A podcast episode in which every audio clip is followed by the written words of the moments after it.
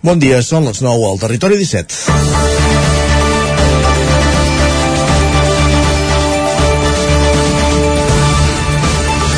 Primer va ser el Marroc qui va expressar el seu malestar quan va saber l'abril de 2021 que el líder del Front Polisario, Brahim Gali, havia rebut assistència mèdica en un hospital de Logroño. A partir d'aquí les relacions entre Madrid i Rabat han virat de forma incomprensible cap als interessos marroquins. Primer va ser el reconeixement del Sàhara com a autonomia marroquina. Més tard, quan es va saber que el govern espanyol havia espiat que havia estat espiat en Pegasus, de seguida es va apuntar cap a Rabat. Alguna cosa de vegada l'executiu Sánchez per sucumbir de la manera que ha accentuat aquest cap de setmana avalant les maneres de fer de la gendarmeria marroquina a la tanca de Melilla. 18 morts, segons el recompte oficial, 30, 37 segons les organitzacions humanitàries, perquè la policia no ha tingut cap mirament a l'hora de frenar un intent d'assaltar la tanca. Les imatges són públiques, tothom les ha vist. Amb l'excusa que els que intenten travessar la frontera a la desesperada són víctimes de les màfies tot s'hi val, la tasca humanitària del govern espanyol queda en entredit. A Sánchez ja no li val mirar el passat. Aquestes víctimes són d'ara, d'aquest cap de setmana.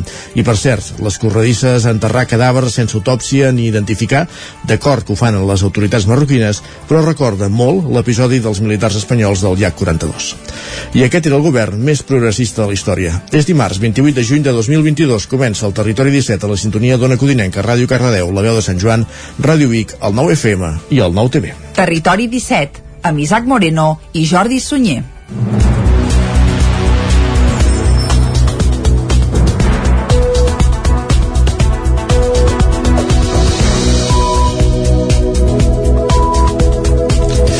Doncs vinga, passen dos minutets de les 9 del matí d'avui dimarts, dia 28 de juny de 2022 i arrenca ara mateix un nou Territori 17 que avui, com sempre, durant la primera hora us acostarà tota l'actualitat de les nostres comarques. A partir de les 10 actualitzarem butlletins informatius, parlarem del temps, com sempre, amb en Pep Acosta i després tocarà l'entrevista. Avui, Isaac, des d'on?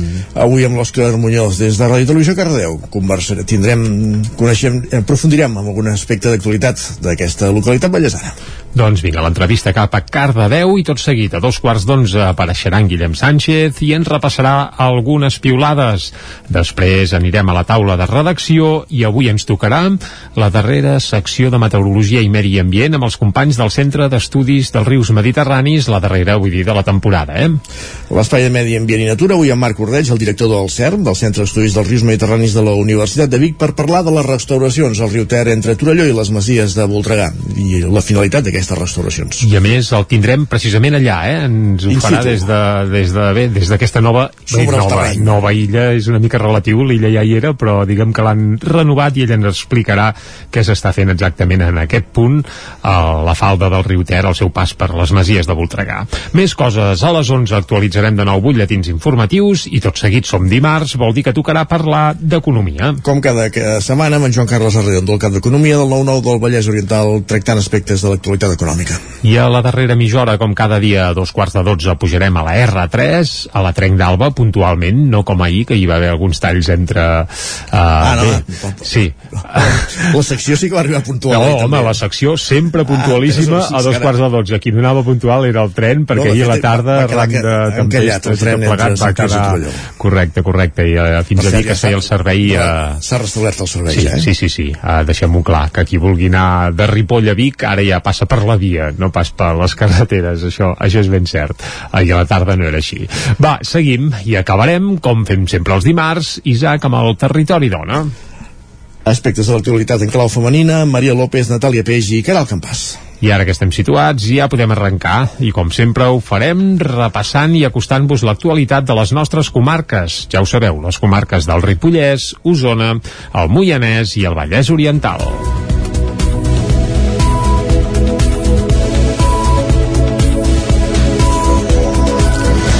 L'Ajuntament del Brull i la Mancomunitat La Plana han decretat 3 dies de dol oficial per la mort de Ferran Teixidor diumenge als 51 anys. La cerimònia de comiat es farà aquest dimarts a la tarda al Tanatori de Taradell. Consternació i perplexitat tant a l'Ajuntament del Brull com a la seu de la Mancomunitat La Plana, l'entitat supramunicipal que presidia Ferran Teixidor. Ahir a la tarda a les dues institucions hi havia llaços negres i les banderes onejant a mig pal.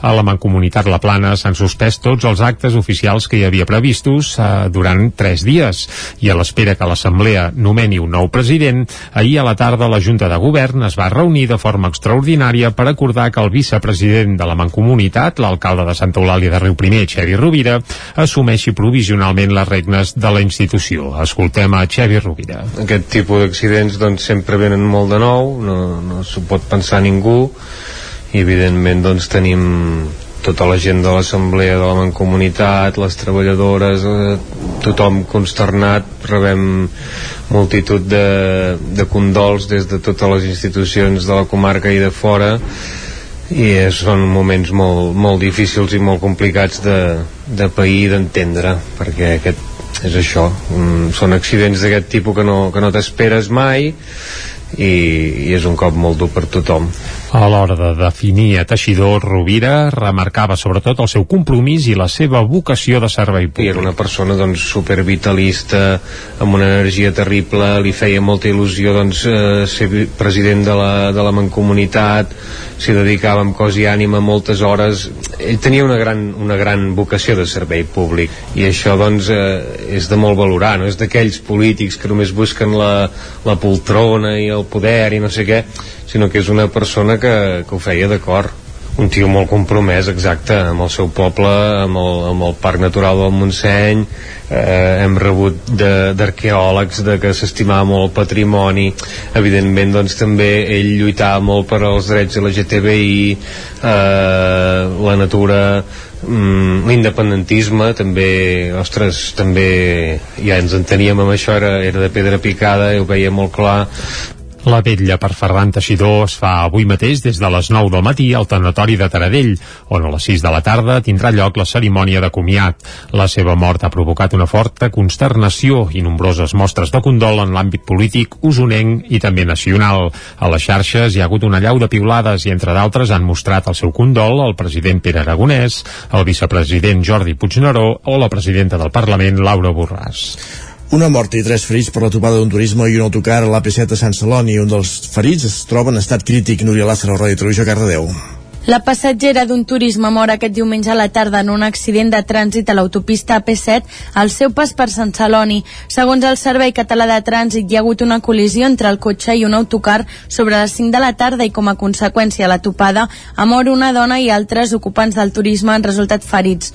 Una menor en estat crític, una dona en estat greu i el tercer amb ferides de caràcter menys greu. Els bombers van haver d'excarcelar-los del vehicle. A tots tres se'ls va traslladar a l'Hospital de la Vall d'Hebron de Barcelona Barcelona. No hi va haver ferits entre la seixantena d'ocupants de l'autocar. Arran de l'accident es van activar sis patrulles dels Mossos d'Esquadra, cinc dotacions dels bombers i sis unitats del sistema d'emergències mèdiques, entre els quals l'helicòpter medicalitzat.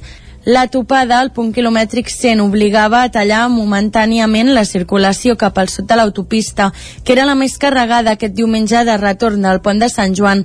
A conseqüència dels talls d'autopista es van produir retencions de 6 quilòmetres a l'autopista en sentit sud. Els bombers rescaten un excursionista que feia una ruta pels barrancs de Núria i es va fer mal al turmell. Isaac Montades, la veu de Sant Joan.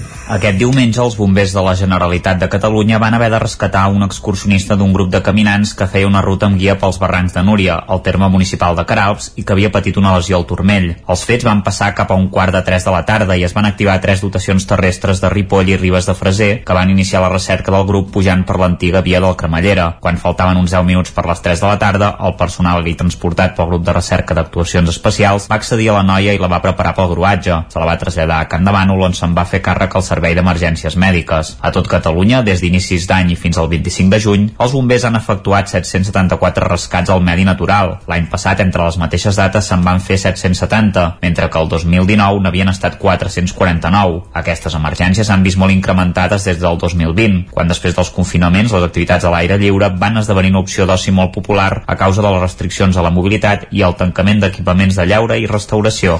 Caldes de Montbui enllesteix les obres dels cinc habitatges socials construïts a l'antiga sala polivalent del centre cívic Ona Codinenca, Caral Campàs. Els cinc habitatges construïts a l'antiga sala polivalent del centre cívic al carrer Buenos Aires ja estan a punt per entrar-hi a viure.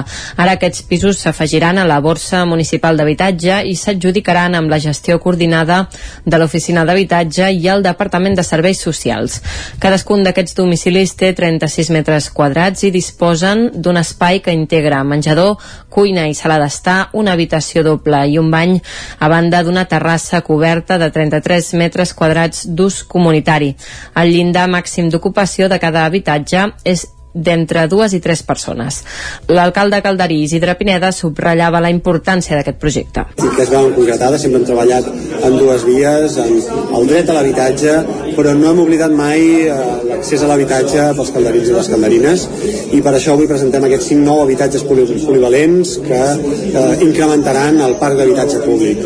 D'alguna manera, el que intentem amb aquests habitatges és donar accés a persones que fins a dia d'avui doncs, tenien eh, dificultats per accedir a, parc immobiliari de Caldes de Montbui i per tant eh, estem encantats a més a més de fer-ho acompanyats de les diferents entitats socials de Caldes de Montbui Paral·lelament, l'Ajuntament està treballant per poder oferir a les persones inquilines una tarifa única en els serveis. Els consums s'auditaran anualment i es regularan en funció del nombre de membres de cada família. El cost de la reforma ha estat de 350.000 euros, dels quals 270.000 els ha assumit l'Ajuntament i la resta els ha subvencionat l'Agència d'Habitatge de Catalunya. El regidor d'Habitatge, Jordi Martín, explicava a quins perfils de persones usuàries va adreçat aquest parc parc d'habitatge. A Caldes de Montbui vàrem començar el mandat amb 5 habitatges de la borsa a la borsa que teníem pública. N'hi hem afegit dos, hem comprat dos habitatges de tanteig, per tant ja en tenim 7, i avui n'hi sumem 5 més. Per tant, ja tenim 12 habitatges públics 100% a Caldes de Montbui. Aquests 12 n'hi sumarem 8 a finals d'any.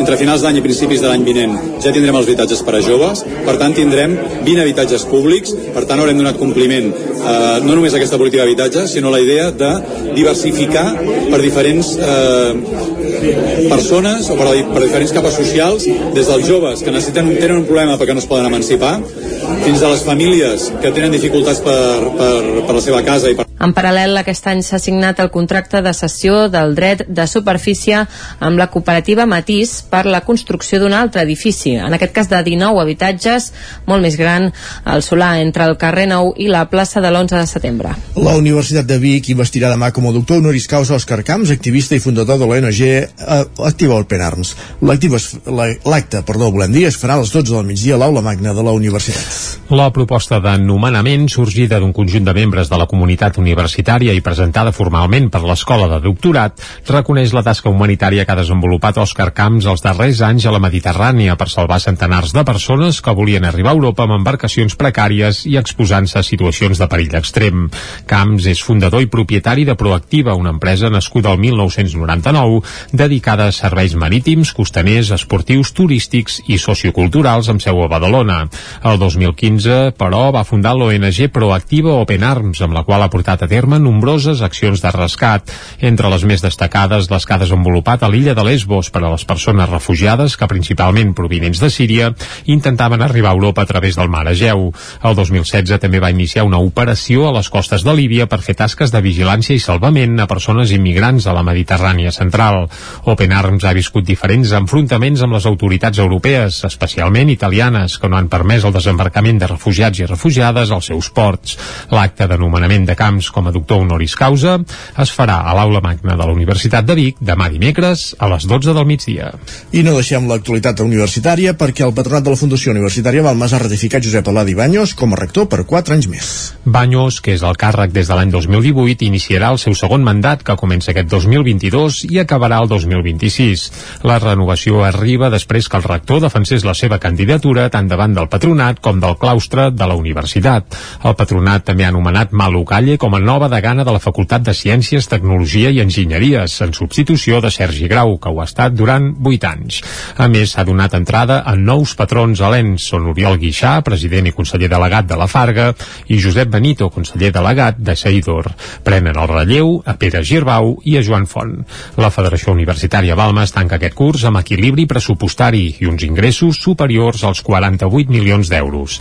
De cara al curs que ve preveu un creixement del 3% i s'acostarà a un pressupost de 50 milions d'euros. La petita capella centenària d'estil neogòtic que hi ha dins del jardí de la Casa Ricard a Vic està a punt de convertir-se en un bar que portarà per nom la ciutat dels Sants. Aquesta és la singular proposta que estan preparant el Sant Parenc Jordi Noguera i el tortosí Enric Xanoll. Les obres de transformació de l'oratori, desacralitzat fa anys, van començar ja fa unes setmanes i la previsió és inaugurar-ho aquest proper divendres, dia 1 de juliol. De ben segur que la majoria de biguetans descobriran l'espai per primera vegada, però hi reconeixeran perfectament l'essència i fesonomia d'aquest antic oratori que ara tindrà una barra presidint l'altar pot ser divertit això. Les parets es decoraran amb il·lustracions de l'artista manlleuenca Martina Tarabal amb la reinterpretació de la imatge d'alguns sants escollits amb tota la intenció, com Santa Llúcia, Sant Martí de Porres, Sant Sebastià o Joana d'Arc. La capella ha incorporat dos nous portals a banda i banda. L'un condueix als lavabos, amb la pica d'aigua beneïda reconvertida en rentamans, i l'altre enllaça directament amb la terrassa, que ocupa part de l'emblemàtic jardí de la Casa Ricard. El bar obrirà tot el dia per servir esmorzars, dinars i sopars. Divendres i dissabtes a la nit allargaran una mica més per funcionar com a bar de primera copa, però no bar de nit, detallen els seus propietaris. El dilluns i dimarts tancaran per festa setmanal. El repte a partir d'ara serà fidelitzar els nous devots de Sant Miquel dels Sants. Els feligresos seran ara comensals. La Biblioteca Joan Triadú de Vic ja ha tancat portes definitivament després de 26, 26 anys d'història. Dijous va ser l'últim dia de l'equipament. Aquest estiu es farà el trasllat de tot el material cap a la nova Biblioteca Pilarín Vallès que s'inaugurarà el dia 7 d'octubre. De l'endemà del Sant Jordi de 1996 a la vigília de Sant Joan del 2022. Entre aquestes dues dates simbòliques quedarà escrita la història i les històries que ha acumulat la Biblioteca Joan Triadú de Vic i que ara ja ha tancat portes definitivament. De les seves cendres en naixerà a partir del 7 d'octubre, la nova Biblioteca Pilarín Vallès, situada al passeig de la Generalitat. Ho remarca Esther Ferrés, directora de la Biblioteca Joan Triadú. Els que l'han pogut veure, no? tothom reconeix que és un equipament fantàstic, amb molts espais, amb molts recursos, i que, per tant, doncs, eh, esperar que els usuaris que hem tingut aquí i els usuaris que no venien doncs els, ens retrobarem a la nova biblioteca. Durant aquests mesos d'estiu es durà a terme el trasllat de tot el material, en total més de 90.000 documents. També els vuit treballadors de la Triadú passaran a treballar a la nova biblioteca, un trasllat amb nostàlgia i il·lusió a parts iguals. Escoltem Esther Ferrés. I hi ha aquest punt, evidentment, de, de nostàlgia, no?, i de tots aquests usuaris que hem vist créixer, no?, que els hem vist a la sala infantil i llavors van passar aquí a la sala d'adults i que ara els retrobarem a la Pilarín Vegués però és això també el que he dit, eh? molta il·lusió també pel nou projecte, per aquest nou model de biblioteca no? que serà biblioteca i molt més i per tant això, avui una barreja de, de sentiments, bueno, de fet tots aquests dies eh? no? que quan ja s'ha fet palès que ara ja tancàvem per preparar el trasllat no? que tot i que ens, ens sap greu eh, tancar uh, aquests mesos però és absolutament necessari per, per traslladar tot aquest volum de fons que tenim Completat el trasllat, l'espai que ocupava la Biblioteca Triadú a l'antic convent del Carme de Vic prendrà forma de centre cívic. Pel que fa a la Biblioteca Pilarín Vallès, ja té dates d'obertura. Serà el 7 d'octubre que se'n farà la inauguració. El 8 i 9 hi haurà jornada de portes obertes i a partir del dia 10 ja s'atendran els usuaris amb normalitat. Acabem aquí aquest repàs informatiu que començàvem a les 9 en companyia de Jordi Sunyer, Caral Campàs, Núria Lázaro i Isaac Muntades. Moment ara al territori 17 de conèixer la previsió del temps.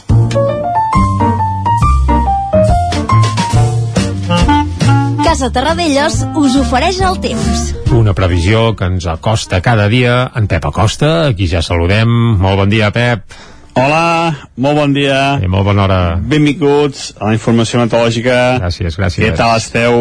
Espero que hagi començat molt bé la setmana. Sí. Per part meva, molt bé, eh? No en tenim cap Anem dubte. fent tot bastant Mhm. bé. I eh, què podem dir, què podem dir del dia d'ahir? Mm, Doncs que va ser un dia eh, marcat per aquesta petita pertorbació eh, atlàntica que ens va creuar, eh, va deixar una mica de precipitacions, la majoria entre els 0 i els 5 litres, jo m'esperava una mica més, les més destacables, eh, uns 8 litres cap a Mollà, eh, 17 a Sant Joan les Abadeses, eh, 15 a Vic, aquests jocs sí que la pluja va ser una mica més destacable, però a casa nostra, eh, la majoria de les comarques, eh, la precipitació va ser això, eh, entre el 0 i els 5 litres. Eh, llàstima que no va ploure una mica més. El que sí que va deixar aquesta perturbació és, una és unes temperatures eh, molt a ratlla, la majoria de les màximes novament entre els 25 i els 28 graus, pocs valors de 30, i, i, i és, eh, per molta gent això és, un, eh, és gairebé eh, un ple, eh, aquestes temperatures, aquestes dates, ja ens acostem més de juliol, més més càlid, i ara mateix hem de ser unes temperatures bastant més altes de les que, toca, de les que tenim ara. I també les mínimes, ja fa bastantes nits que es dorm molt bé, avui mínimes per sobre dels 15 graus i tot a moltes poblacions, uh, per tant, uh, unes, unes temperatures uh, de fàbula, de fàbula, uh, per, per dormir molt i molt bé. Però això uh, té dies comptats, eh? Uh, com deia, som a juliol, uh, hi ha un anticicló que ara mateix es farà fort a la nostra i això és sinònim de que les temperatures aniran pujant cada dia una mica més. Però anem a pams, anem a pams i comencem pel dia d'avui.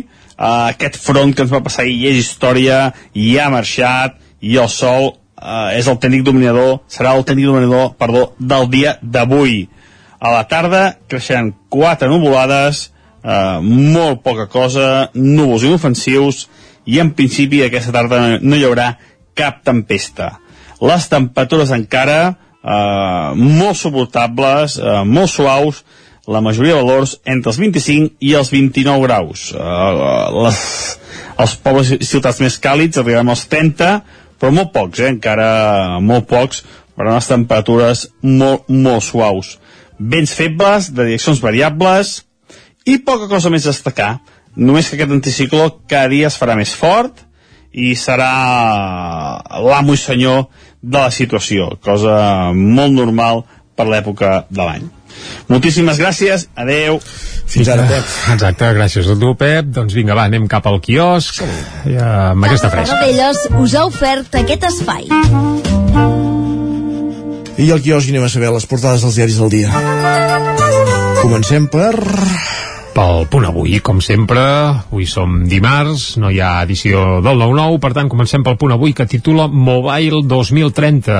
I és que ahir es va confirmar que aquesta famosa Fira Congrés de Mòbils que aterra a Barcelona des de fa uns quants anys i seguirà aterrant com a mínim fins l'any 2030 i apunten que l'èxit del 2021 i el suport de les administracions i la Fira claus per aquest acord.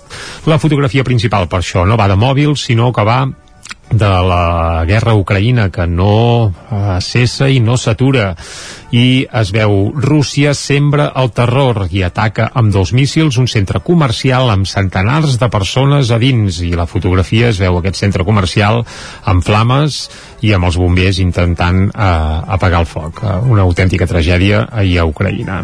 També la querella d'Òmnium pel Catalan Gate és admesa a tràmit. Per tant, la justícia per primera vegada sembla que investigarà l'espionatge a l'independentisme. Això es desprèn de la portada del punt avui. Fem un cop d'ull a l'ara, titular principal, el G7 es compromet a fer costat a Ucraïna tant temps com calgui. Aquest tant temps com calgui, així entre cometes, perquè, perquè es vegi bé. La fotografia, però, no és per eh, el G7 ni per Ucraïna, sinó que és una fotografia feta al camp del Barça i diuen empresaris i polítics salten a la gespa. La fotografia s'hi veu Jan Laporta, Ada Colau, Pere Aragonès, Pedro Sánchez, i també Núria Marín, presidenta de la Diputació i algú més per allà darrere i tots plegats, doncs, què van fer ahir al Camp Nou? Doncs no van anar a jugar a futbol, sinó fer un sopar, un sopar que era motiu de bé, uh, Sánchez semblaria que només... Sánchez hi va anar a fer un discurs, em sembla més que Sí, bé, algú devia menjar, suposo. No, no, no, no, no va menjar? No, no, va pujar al l'escenari, va baixar i tal com va baixar l'escenari ja va sortir ah, carai, al nou. Sí, doncs ves per on. Que de fet la, les taules feien riure, eh, perquè com taules d'aquestes de, de fira, per entendre's, diguéssim. Bé, és que al mig, no del, al mig del camp del Barça tampoc es podia no fer segons què. No estava del president del govern central. Ara, pla. Bé, bé, doncs la fotografia té la seva gràcia i tot plegat al camp del Barça. Em sembla que Pedro Sánchez havia dit que era del Barça, eh, que sí? O... No, era Zapatero. Ah, era Zapatero, és veritat. En Pedro Sánchez no, no seria el cas, doncs. Bé, doncs tant se val. El cas és que ahir va treure el cap al camp del Barça, però sembla que també apunten les cròniques que entre ell i Pere Aragonès, que en teoria s'han de tornar a reunir, doncs que hi va haver certa, bé no certa, sinó molta fredor, per tant sembla que, que malament rai. Tot i que si ens fem eh, ressò de la portada del periòdico, sembla que la cosa aniria per un altre cantó, perquè ja, a la portada ja. sí que hi ha Pere Aragonès i Pedro Sánchez junts, els han ensopegat amb una foto on fins i tot riuen, i diuen, entre cometes, creient del diàleg. Atenció, eh? Sánchez defensa davant Aragonès la necessitat de parlar durant la seva trobada en el sopar anual dels Premis Pimes de Pimec. Uh, clar, ho defensa i fa nou mesos que la taula de diàleg no es veu per enlloc, vull dir que podria fer algun pas també, eh? però no, no, ell es va... Era aquesta, era aquesta del Camp Nou, la taula de diàleg. Ah, bé, bé, bé, és, és terrible. Bé, cadascú uh, ho veu a la seva manera i el periòdico ja sabem també una mica com ho veuen. El titular principal, però, no fa referència a aquests creients del diàleg, Aragonès i Sánchez, sinó a l'OTAN, que es rearma per la provocació, diuen, de Rússia i Xina. I també amb un raconet imputat al cap de l'oficina de Puigdemont per la petició d'informació a un mosso el periòdico que continua la seva Croada. persecució i croada contra, contra, bé, contra tot l'entorn de Puigdemont. Contra Waterloo, que diria sí, Rufián. ras i curt. Va, a l'avantguàrdia, l'OTAN mobilitzarà 300.000 soldats davant l'amenaça de Rússia, aquest és el titular principal que hi ha a l'avantguàrdia, i la fotografia de nou és per Pere Aragonès i Pedro Sánchez sortint a eh, la gespa del Camp Nou, però no fer un partit, sinó fer un retrobament, diuen retrobament al Camp Nou, però ells ho maten aquí, no acaben de valorar gaire eh, per on on van els trets, però se'ls veu relativament contents, com si això, sortissin a fer un partidet, eh? Anem a les portades d'àmbit nacional. Som-hi. I va, comencem pel País, eh, d'àmbit estatal, perdó, a vegades ens confonem. El País eh, titula l'OTAN multiplica les seves tropes a l'est per frenar a Putin. Aquest és el titular principal i es veu eh, tots els líders del G7 allò asseguts en una taula que, home, no és el camp del Barça, però es veuen força distesos i bastant desenfadats. Fins i tot Joe Biden, que sempre Veus? sembla que està a la lluna, doncs aquí se'l veu força Bé, força to. També Rússia ataca un centre comercial ple de civils a Ucraïna i més portades d'àmbit espanyol. A la Razón, el PP és el baluart d'Espanya contra tots els extremismes, això afirmen a la Razón. A l'ABC, el president de l'INE dimiteix després de les crítiques del govern a les xifres oficials. També Rússia ataca amb missils un centre comercial d'Ucraïna i el Mundo. S'ha de ser contundents amb la immigració. Al darrere hi ha màfies. Per tant, justifiquen tot el que va passar a la frontera de Melilla Sevilla doncs amb l'excusa de les màfies. Això a la portada del Mundo. És la tendència dels últims dies. Eh, nosaltres fem una pausa i tornem d'aquí 3 minuts. El nou FM, la ràdio de casa al 92.8 tic tac tic tac per fi atac dental i radiografia dental a Torelló a la Clínica Dental Sant Fortià hi trobareu un equip professional que treballa de manera coordinada per oferir un tracte sensible i humà.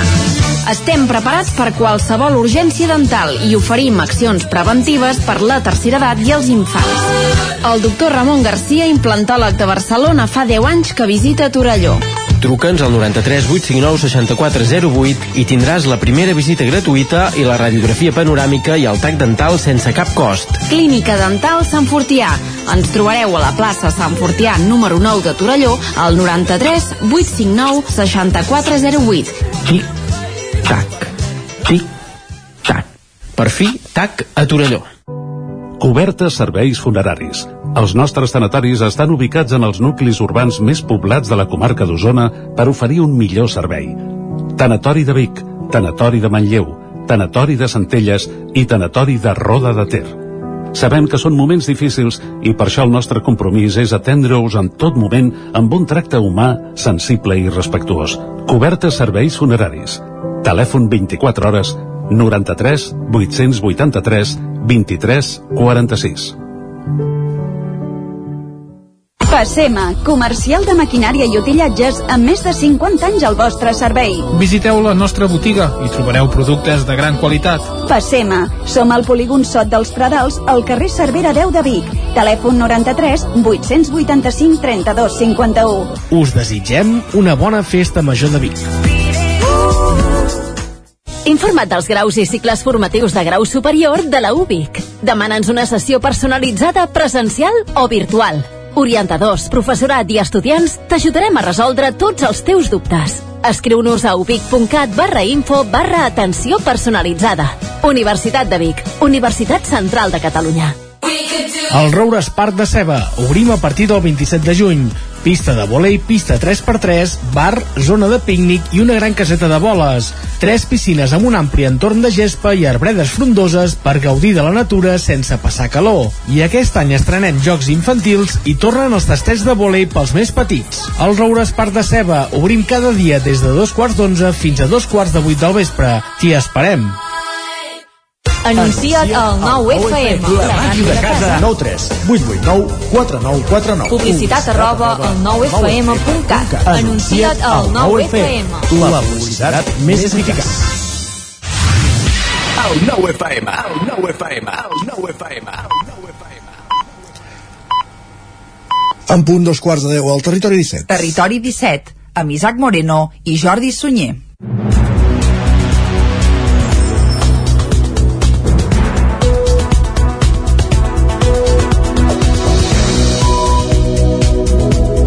Doncs vinga, dos quarts de deu en punt d'avui dimarts, dia 28 de juny de 2022, dia per cert de Sant Pere, per tant, per molts anys... Eh... Els, els peres i les peres. Ah, No? Les peres, No, sí? eh? Bé, bé, tant és. les perones. Perona? Ah, doncs, Perona... Sí? Uf, ho haurem d'estudiar, això, eh? Haurem Uh, d'investigar. va, va.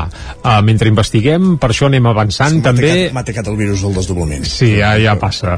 doncs vinga, mentre això, mentre investiguem aquest, aquest tema peronístic, el que farem és avançar-vos les, tot el que les, farem. Les persones Pere. També, També, també, també. Pedro Sánchez, Pere Aragonès. Per exemple, que ahir estaven juntets, a més, ja ho van celebrar, van fer la rebella de Sant Pere, una rebella que s'ha perdut, per cert, eh? abans sí. tenia bastanta tradició, es feia bastant arreu i ara ha perdut pistonada. No vaig sentir cap petard, per exemple, per la rebella de Sant Pere. Ja he sentit tots per Sant Joan, no Pot, pateixi. és possible, és possible. Bé, anem al gra, anem al gra i explicarem ara mateix tot el que farem des d'ara i fins al punt de les 12 aquí a Territori 17. De seguida el que farem és acostar-vos de nou tot a l'actualitat de les nostres comarques i una mica abans de les 10, com cada dia, fa... hi posarem música. I avui, eh, un clàssic que compleix 15 anys i per celebrar-ho, els seus autors eh, l'han regravat. Podem dir quina cançó és, Isaac, o què? O per... mantenim la intriga? T'ho diré corrent.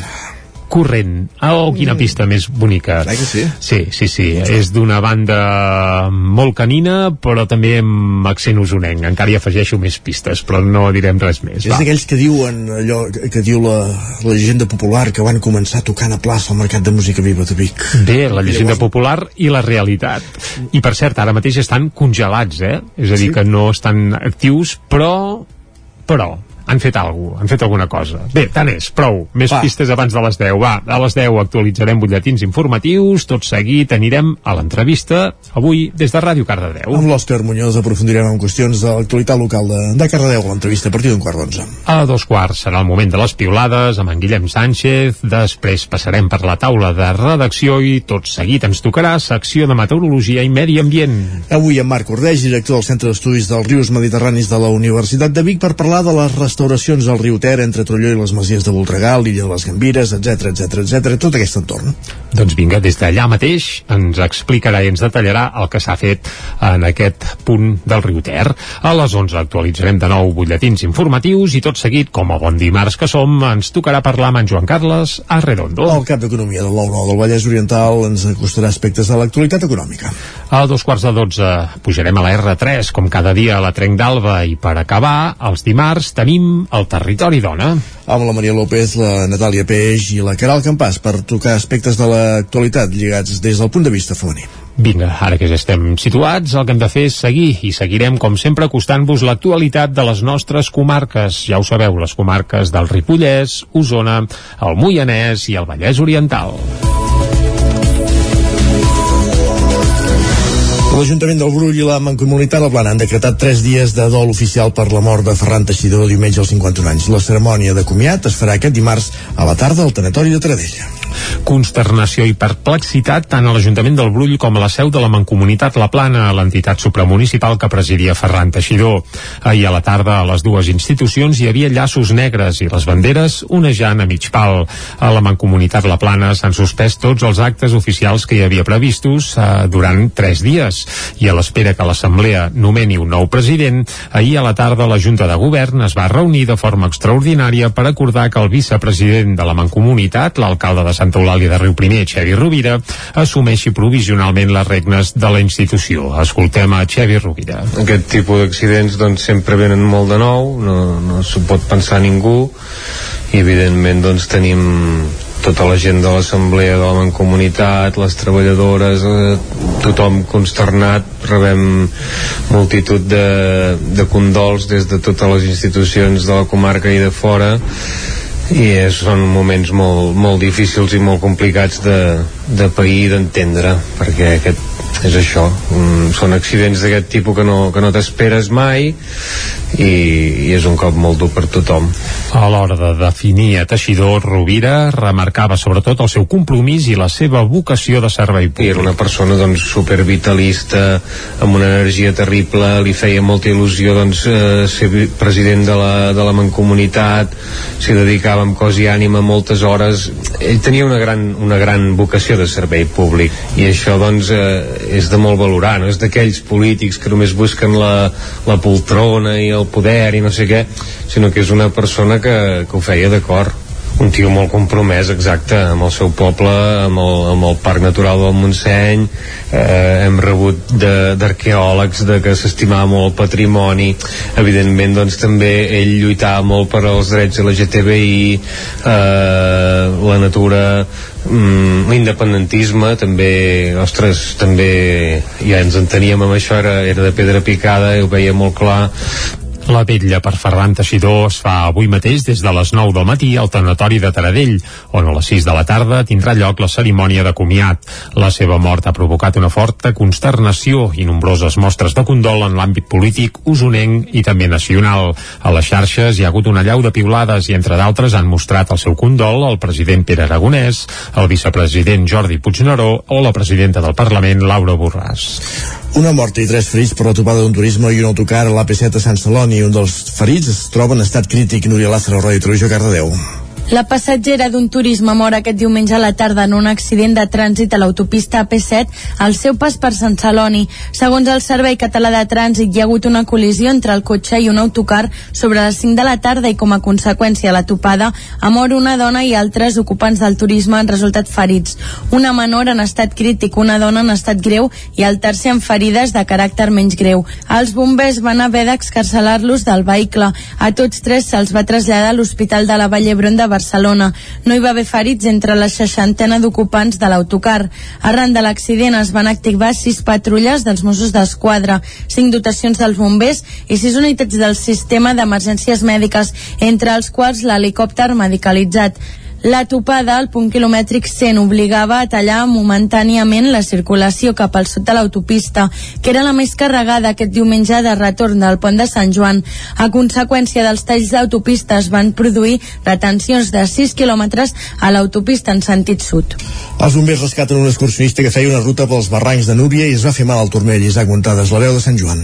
Aquest diumenge els bombers de la Generalitat de Catalunya van haver de rescatar un excursionista d'un grup de caminants que feia una ruta amb guia pels barrancs Barrancs de Núria, al terme municipal de Caralps, i que havia patit una lesió al turmell. Els fets van passar cap a un quart de 3 de la tarda i es van activar tres dotacions terrestres de Ripoll i Ribes de Freser que van iniciar la recerca del grup pujant per l'antiga via del Cremallera. Quan faltaven uns 10 minuts per les 3 de la tarda, el personal gay transportat pel grup de recerca d'actuacions especials va accedir a la noia i la va preparar pel gruatge. Se la va traslladar a Can de Bànol on se'n va fer càrrec al servei d'emergències mèdiques. A tot Catalunya, des d'inicis d'any i fins al 25 de juny, els bombers han efectuat 774 rescats al medi natural. L'any passat, entre les mateixes dates, se'n van fer 770, mentre que el 2019 n'havien estat 449. Aquestes emergències han vist molt incrementades des del 2020, quan després dels confinaments les activitats a l'aire lliure van esdevenir una opció d'oci molt popular a causa de les restriccions a la mobilitat i el tancament d'equipaments de lleure i restauració.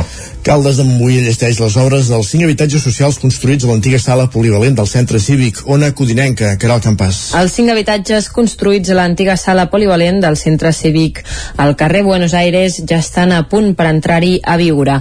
Ara aquests pisos s'afegiran a la borsa municipal d'habitatge i s'adjudicaran amb la gestió coordinada de l'Oficina d'Habitatge i el Departament de Serveis Socials.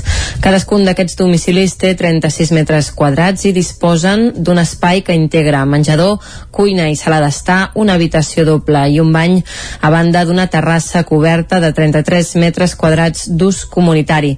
El llindar màxim d'ocupació de cada habitatge és d'entre dues i tres persones.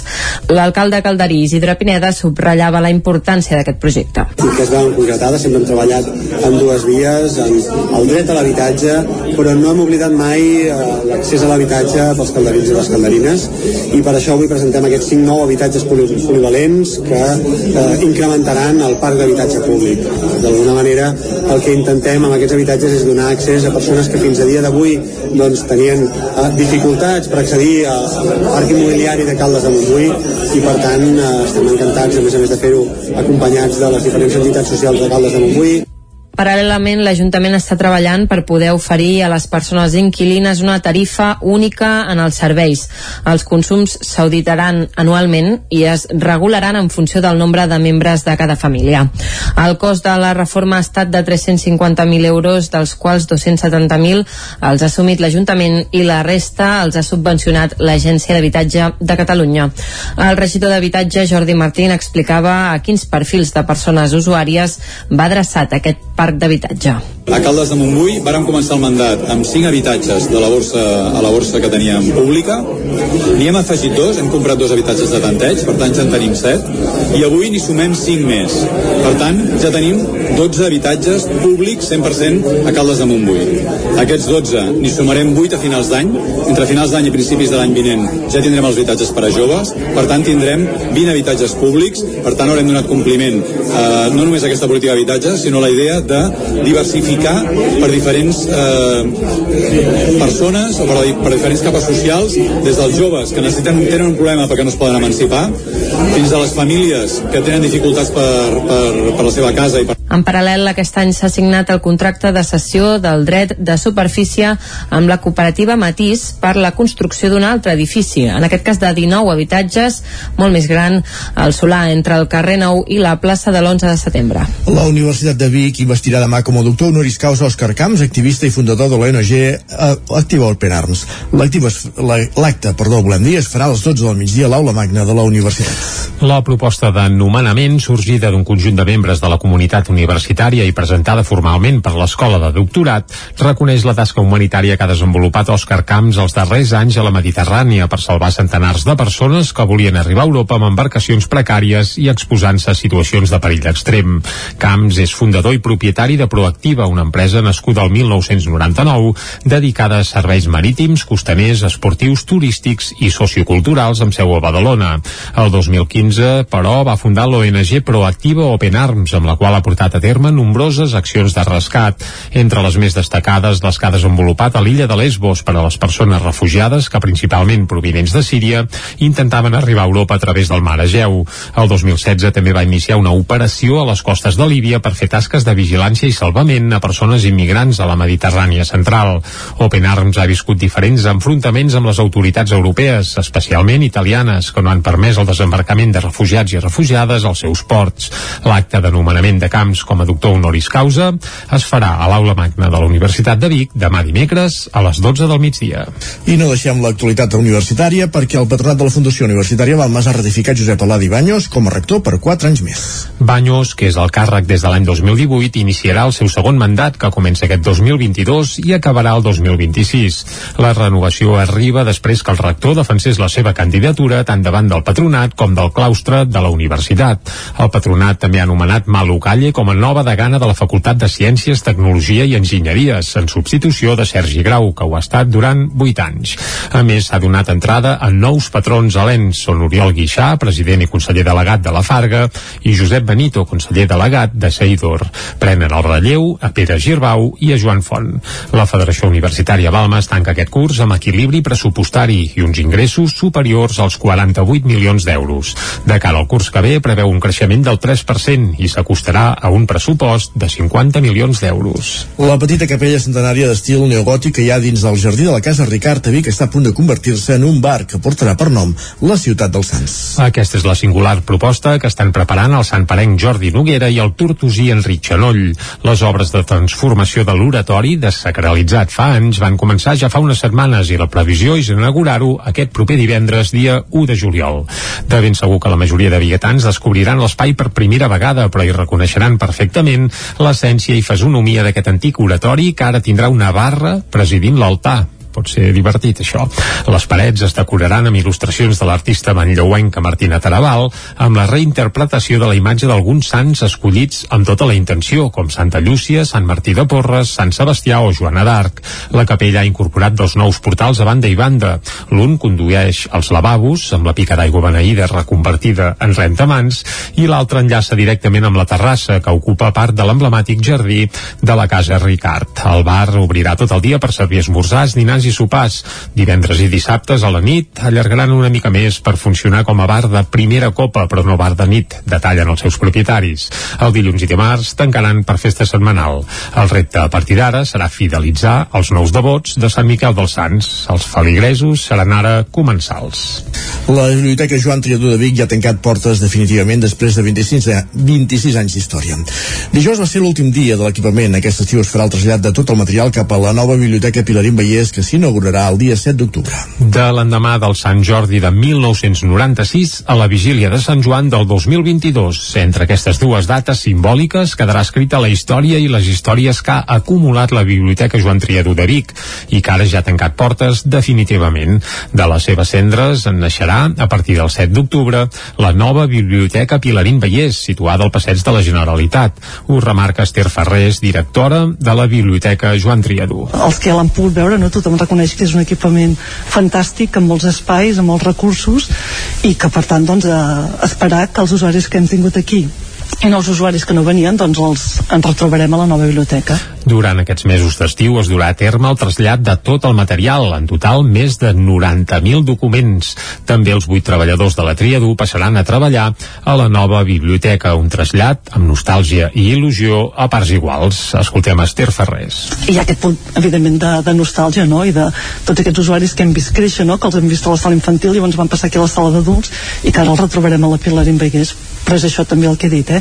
molta il·lusió també pel nou projecte, per aquest nou model de biblioteca no? que serà biblioteca i molt més, i per tant això avui una barreja de, de sentiments bueno, de fet tots aquests dies, eh? no? que quan ja s'ha fet palès que ara ja tancàvem per preparar el trasllat no? que tot i que ens, ens sap greu eh, tancar uh, aquests mesos però és absolutament necessari per, per traslladar tot aquest volum de fons que tenim Completat el trasllat, l'espai que ocupava la Biblioteca Triadú a l'antic convent del Carme de Vic prendrà forma de centre cívic. Pel que fa a la Biblioteca Pilarín Vallès, ja té dates d'obertura. Serà el 7 d'octubre que se'n farà la inauguració. El 8 i 9 hi haurà jornada de portes obertes i a partir del dia 10 ja s'atendran els usuaris amb normalitat. Acabem aquí aquest repàs informatiu que començàvem a les 9 en companyia de Jordi Sunyer, que era el campàs Núria Lázaro i Isaac Muntades. Moment ara al territori 17 de conèixer la previsió del temps.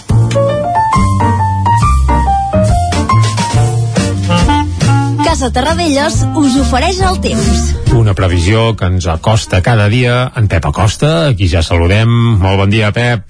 Hola, molt bon dia. I molt bona hora. Benvinguts a la informació meteorològica. Gràcies, gràcies. Què tal esteu? Espero que hagi començat molt bé la setmana. Sí. Per part meva, molt bé, eh? No en moment tenim cap Anem dubte. fent tot bastant Mhm. bé. I eh, què podem dir, què podem dir del dia d'ahir? Mm, Doncs que va ser un dia eh, marcat per aquesta petita pertorbació eh, atlàntica que ens va creuar. Eh, va deixar una mica de precipitacions, la majoria entre el 0 i els 5 litres, jo m'esperava una mica més, les més destacables, eh, uns 8 litres cap a Mollà, eh, 17 a Sant Joan les Abadeses, eh, 15 a Vic, aquests llocs sí que la pluja va ser una mica més destacable, però a casa nostra, eh, la majoria de les comarques, eh, la precipitació va ser això, eh, entre el 0 i els 5 litres. Eh, llàstima que no va ploure una mica més. El que sí que va deixar aquesta perturbació és, una és unes temperatures eh, molt a ratlla, la majoria de les màximes novament entre els 25 i els 28 graus, pocs valors de 30, i, i, i és, eh, per molta gent això és un eh, és gairebé eh, un plaer, eh, aquestes temperatures, aquestes dates ja ens acostem més de juliol, més més càlid i ara mateix hem de ser unes temperatures bastant més altes de les que, toca, de les que tenim ara. I també les mínimes, ja fa bastantes nits que es dorm molt bé.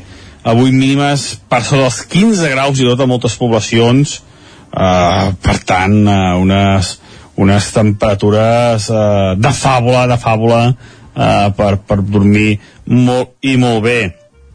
Però això eh, té dies comptats, eh? eh? Com deia, som a juliol, eh, hi ha un anticicló que ara mateix es farà fort a la nostra, i això és sinònim de que les temperatures aniran pujant cada dia una mica més. Però anem a pams, anem a pams, i comencem pel dia d'avui. Uh, aquest front que ens va passar ahir és història, i ha marxat, i el sol uh, és el tècnic dominador, serà el tècnic dominador, perdó, del dia d'avui.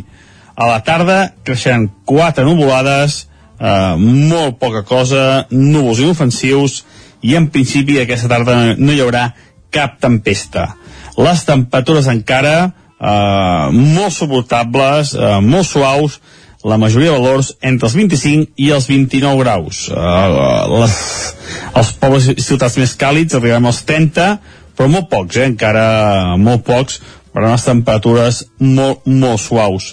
Vents febles, de direccions variables, i poca cosa més a destacar.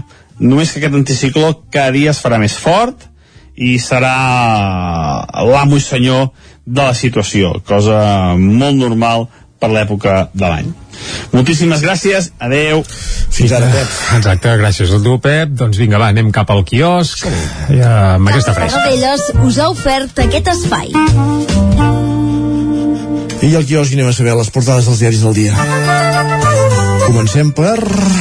Pel punt avui, com sempre, avui som dimarts, no hi ha edició del 9-9, per tant comencem pel punt avui que titula Mobile 2030 i és que ahir es va confirmar que aquesta famosa fira Congrés de Mòbils que aterra Barcelona des de fa uns quants anys i seguirà aterrant com a mínim fins l'any 2030 i apunten que l'èxit del 2021 i el suport de les administracions i la fira claus per aquest acord.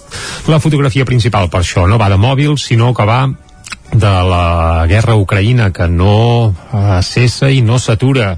I es veu Rússia sembra el terror i ataca amb dos míssils un centre comercial amb centenars de persones a dins. I la fotografia es veu aquest centre comercial amb flames i amb els bombers intentant uh, apagar el foc uh, una autèntica tragèdia ahir a Ucraïna també la querella d'Òmnium pel Catalan Gate és admesa a tràmit per tant la justícia per primera vegada sembla que investigarà l'espionatge a l'independentisme. Això es desprèn de la portada del punt avui.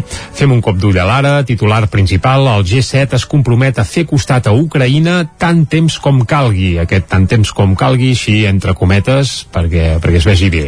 La fotografia, però, no és per eh, el G7 ni per Ucraïna, sinó que és una fotografia feta al camp del Barça i diuen empresaris i polítics salten a la gespa. La fotografia s'hi veu Jan Laporta, Ada Colau, Pere Aragonès, Pedro Sánchez i també Núria Marín, presidenta de la Diputació i algú més per allà darrere i tots plegats, doncs, què van fer ahir al Camp Nou? Doncs no van anar a jugar a futbol, sinó fer un sopar, un sopar que era motiu de, de uh, Sánchez semblaria que només, Sánchez hi va anar a fer un discurs, em sembla, més que Sí, bé, algú devia menjar, suposo. No, no, no, no va menjar? No, no, va pujar a l'escenari, va baixar, i tal com va baixar a l'escenari ja va Ah, sortir carai, al Camp Nou. doncs ves per on. Que de fet la- les taules feien riure, eh, perquè com taules d'aquestes de, de fira, per entendre's, diguéssim. Bé, és que al no mig, del, al mig del camp del Barça tampoc es podia No fer segons l'alçada què. del president del govern central. Ara, pla.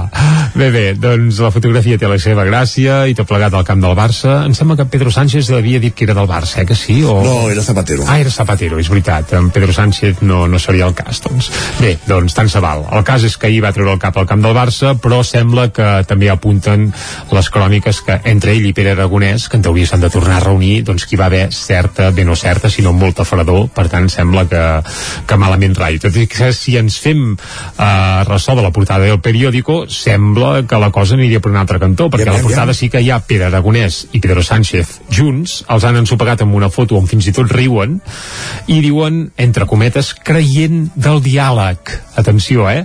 Sánchez defensa davant Aragonès la necessitat de parlar durant la seva trobada en el sopar anual dels Premis Pimes de Pimec.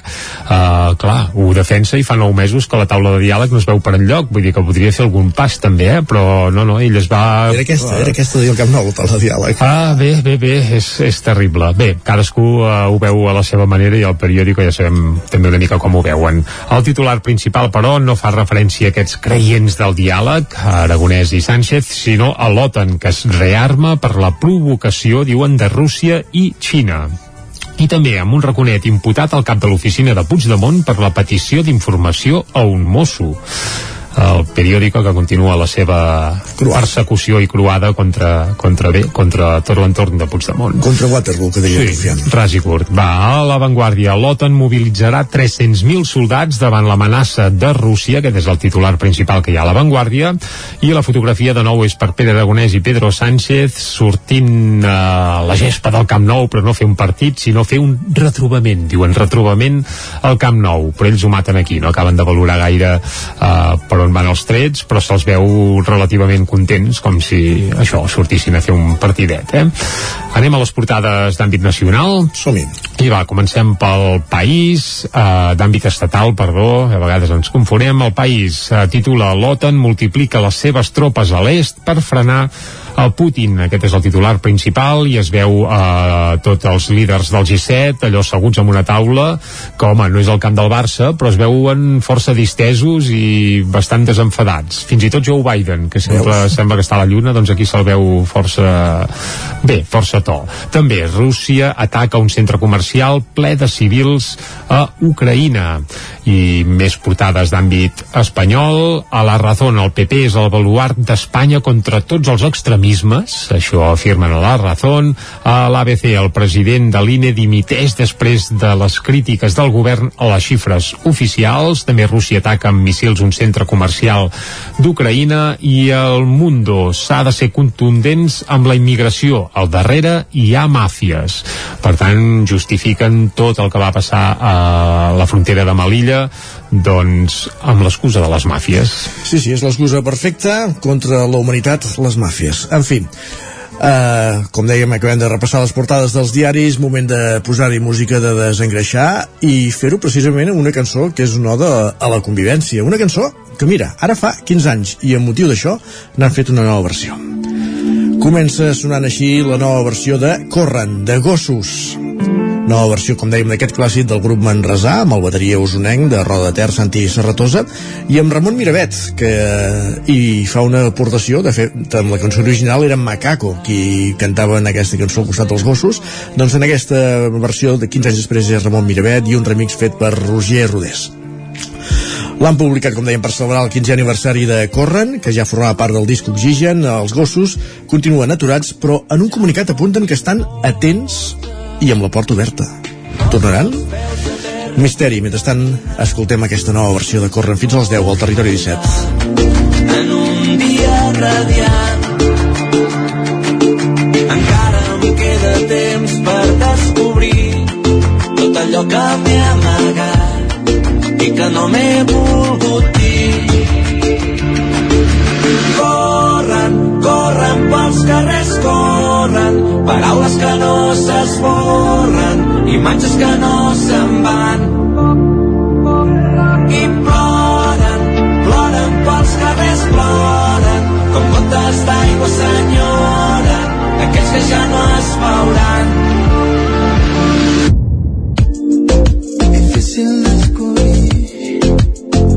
Que sóc avui una gota em cau mentre una altra em treu la set la vull fer sol alhora. Bala, bala, bala, que m'apuntava era la meva jo mateixa em disparava. Raig de llum il·lumina'm, treu-me el fum una revolució dins meu la sedueixo i es transforma. em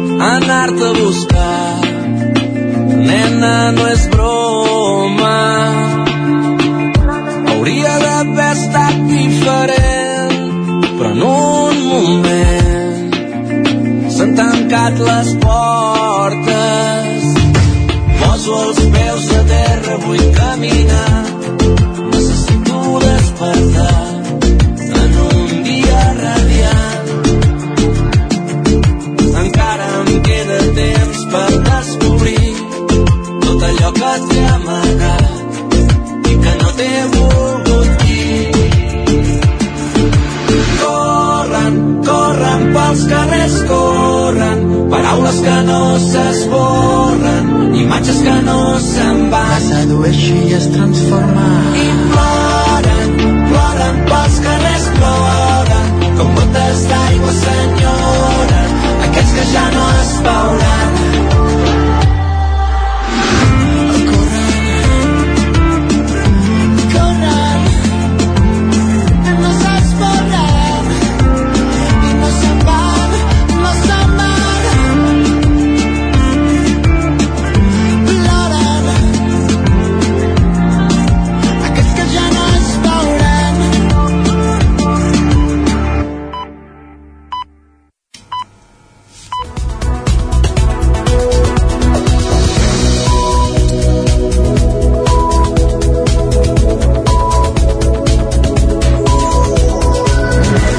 Dimarts 28 de juny de 2022, moment al Territori 17 d'actualitzar-nos, de posar-nos al dia amb les notícies més destacades de les nostres comarques, el Ripollès, el Moianès, el Vallès Oriental i Osona. I ho fem en connexió amb les diferents redaccions que dia a dia fan possible aquest programa, les de la veu de Sant Joan, Ona Codinenca, Ràdio Cardedeu, Ràdio Vic, el 9 FM i el 9 TV. Determinar quina ha estat l'aportació del món científic per tal de pal·liar els efectes del conflicte bèl·lic a Ucraïna. Aquest era l'objectiu del seminari internacional que es va celebrar ahir a la Universitat de Vic amb la participació, entre d'altres, del director de la Comissió Europea de Barcelona, Manuel Zapiro. Des que va començar la guerra, a la Universitat de Vic hi han arribat vuit investigadors ucraïnesos. Des de la primera fila de la sala Sagimon Serrallonga de la Universitat de Vic, l'investigador ucraïnès Mikola Karitonov seguia amb atenció el seminari que es va celebrar ahir per reflexionar sobre les accions que s'han fet en l'àmbit científic per minimitzar els efectes de la invasió russa a Ucraïna. Mikola va arribar a principis de març a Vic fugint de la guerra. Un cop aquí va incorporar-se a l'equip de professionals del Centre Beta. Ho va fer en el marc del programa Science for Ukraine, que el mateix Centre Beta coordina a nivell estatal amb l'objectiu de donar continuïtat a les carreres professionals dels investigadors ucraïnesos. Escoltem a Sergio Ponsa, director del Centre Beta. Si nosaltres estem liderant la iniciativa a nivell estatal eh, Sign for Ukraine, és una iniciativa a nivell mundial on diferents eh, entitats de, de l'àmbit de l'acadèmic doncs estem intentant coordinar-nos per oferir oportunitats per científics, eh, per investigadors, per professors i per estudiants ucraïnesos per poder continuar la seva carrera fora d'Ucraïna i això a nivell, a nivell de cada estat hi ha un coordinador nosaltres som els coordinadors des del centre beta d'aquesta iniciativa a nivell estatal i una mica doncs, el que estem fent és eh, veure com podem incrementar les oportunitats que s'ofereixen per, aquesta, per aquestes persones. En Nicola va ser un dels primers investigadors ucraïnesos que va arribar a Vic. En aquests moments n'hi ha vuit que viuen i treballen a la capital usonenca, sis ho fan al centre Beta i dos a la Universitat de Vic. Sergio Ponsa. Òbviament, eh, quan aquestes persones van arribar la seva situació era, era complexa, era complicada però l'adaptació ha sigut molt bona i ara mateix doncs, estan totalment integrats dintre del nostre equip de treball fent la feina que faria qualsevol altre investigador perquè al final això, són, són, els volem dignificar amb, la seva, amb el seu dia a dia i són investigadors com poden ser la resta d'integrants del, del, del, de l'equip beta la jornada va comptar amb la presència via telemàtica del director de la Comissió Europea a Barcelona, Manuel Zapiro, i de membres del govern ucraïnès i de la Universitat de Poltava. Després de dos anys trampejant la pandèmia, Vic recupera la festa major en el seu format habitual. Del 27 de juny al 10 de juliol, la capital usonenca acollirà un centenar d'actes adreçats a tots els públics. Per primera vegada, el pregó, eh, que aquest any anirà a càrrec de Jaume Iats, es farà a la plaça de la Catedral. Amb total normalitat, així és com es presenta la festa major de Vic, que es desplega des d'ahir i fins al 10 de juliol, una normalitat que es fa evident amb la reprogramació després de dos anys de pandèmia i en el format habitual de la crida. Aquest dissabte, dia 2 de juliol, la colla del Merma del Nen i de la Vella tornaran a tenyir la ciutat de Vic de verd, vermell i negre. La setmana abans, la que estem, i fins dimecres, cada colla organitza la seva pròpia festa. El Meló el van obrir ahir dilluns als vermells al Bosquet de l'Atlàntida. Avui és el torn dels verds a la bassa dels Germans Maristes i demà dels negres al Parc Jaume Balmes. El programa també comptarà amb clàssics com el concert de l'Orquestra Meravella, el Correfoc, que deixa de ser estàtic, la Xurriacada, la Jornada Castellera i el concert de gran format a la plaça Major, amb la pegatina. Els actes més tradicionals de la festa, tal com marca la tradició, no arribaran fins al dia 5 de juliol. A un quart d'onze del matí, de l'Ajuntament hi arrencarà el seguici de la Festa Major, una comitiva que per primera vegada espera convidats, ho avança Bet Piella, regidora de Cultura de l'Ajuntament de Vic. Aquest any, després de molts anys de treball, des del 2013, eh, volem que finalment, eh, si és possible, el seguici de la Festa Major de Vic sigui inclòs en el catàleg de patrimoni festiu de Catalunya. Això vol dir que han de venir eh, les persones responsables de la Direcció General de Cultura Popular i Associacionisme Cultural han de venir el dia del seguici, veure com funciona el seguici, veure que bonic és el seguici, perquè el puguin incloure en aquest catàleg de patrimoni festiu de, de Catalunya. El dia abans, el dia 4 de juliol, Jaume Iats farà el pregó de la festa des de la plaça de la Catedral. Serà en el marc del desè aniversari del concert que anualment ofereix la banda de l'Escola de Música de Vic la vigília de la Festa Major.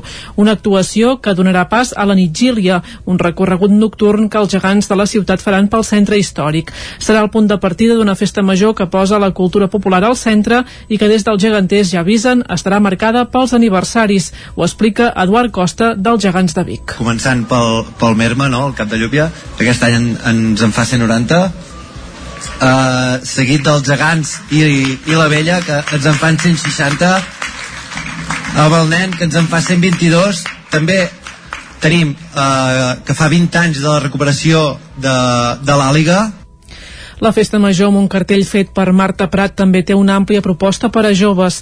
Les nits a les barraques, el vespre d'humilies i la cronoescalada són alguns dels plats forts que ha presentat la comissió de la Festa Major Jove. I aquest cap de setmana ha tornat a Cardedeu la Festa del Foc, una festa de la colla de Diables que portava dos anys celebrant-se en petit format i que aquest any ha pogut tornar a la plaça de Sant Corneli amb les figures i el foc. Núria Lázaro, Ràdio Televisió Cardedeu.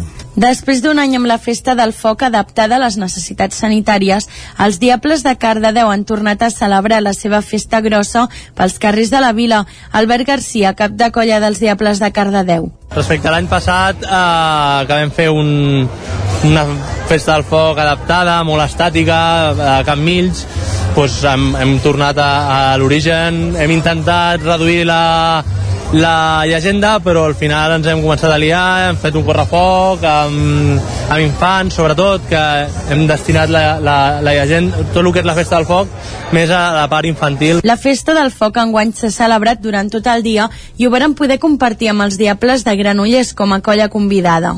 Enguany hem fet eh, un intercanvi amb les colles de Granollers i la veritat és que està molt bé perquè nosaltres a l'octubre anirem a, a Granollers i ells han vingut ara per la festa del foc i bueno, han vingut 150 persones de Granollers i bueno, ja es veu l'ambient, no? La jornada va començar amb l'Alicia Molina i la llegenda del Berro pels més petits de la casa, un concert vermut en Jaume Arnella i un taller de pintar cartrons. Els protagonistes de la tarda van ser les colles infantils dels Diables, que van fer un correfoc i un lluïment a la plaça de l'Església.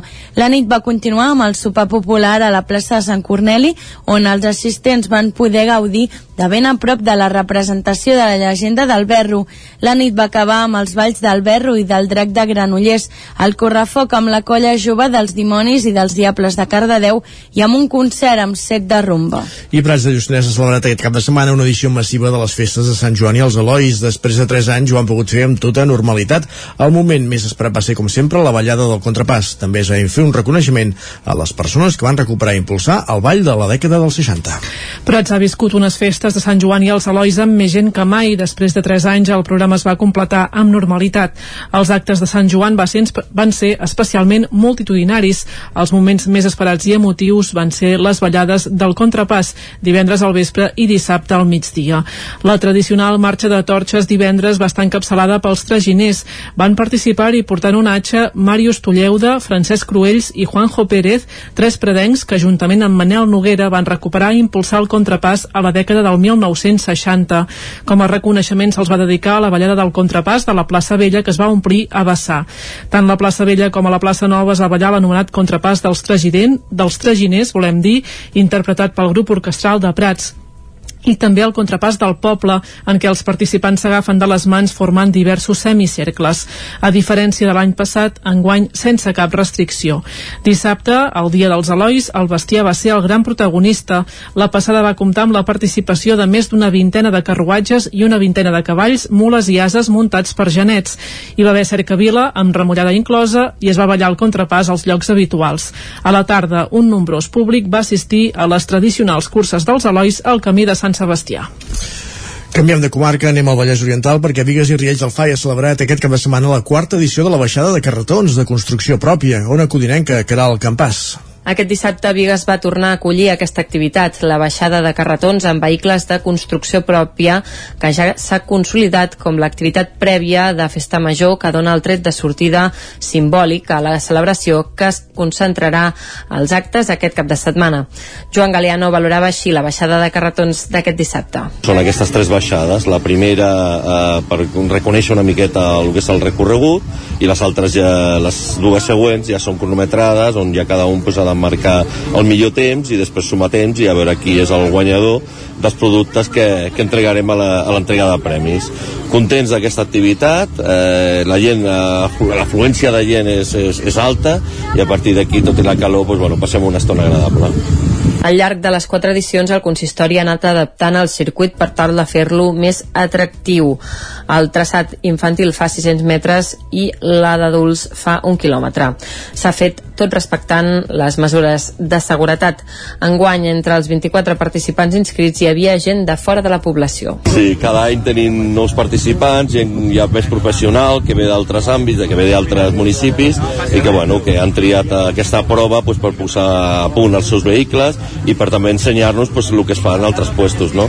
Molt contents d'acollir-los. Eh... Aquesta activitat organitzada pel consistori ha sigut possible gràcies a la col·laboració de l'impulsor, Xavi Serrano, el grup de voluntariat i l'equip tècnic de la regidoria d'esports. I al Ripollès i en l'àmbit esportiu, la cursa d'obstacles vol d'Àguiles de Sant Joan espera arribar a la cinquantena de participants. Isaac Muntades, la veu de Sant Joan. El pròxim 9 de juliol és la data marcada al calendari en què es disputarà la primera edició de la cursa d'obstacles vol d'Àguiles, organitzada per la Unió Excursionista de Sant Joan de les Abadeses i que està inspirada en un Spartan Race. La presidenta de l'entitat, Clàudia Romero, explicava que a hores d'ara ja hi hauria una trentena de persones inscrites, la majoria de les quals es van inscriure la setmana passada i que confien arribar almenys als 50 participants. Les inscripcions es tanquen el dia 1 de juliol, però no descarten allargar-les un parell o tres de dies més en funció de la gent que s'hi hagi inscrit. Romero apuntava que el recorregut de la prova ja està completament definit, amb sortida a les 10 del matí de la plaça Major i arribada al mateix punt, on hi haurà una mica de festa amb un vermut musical, una botifarrada i s'obsequiarà als participants amb una samarreta. Podem sentir-la parlant del recorregut. Llavors es dirigiran cap a la margera, la típica margera que posen les motos al trial de Sant Vigosa, i llavors baixaran cap al riu, faran passant recorregut de riu, que no cal nedar perquè és, és de poca profunditat, i llavors sí que quan arribin a la passera del riu Ter, la,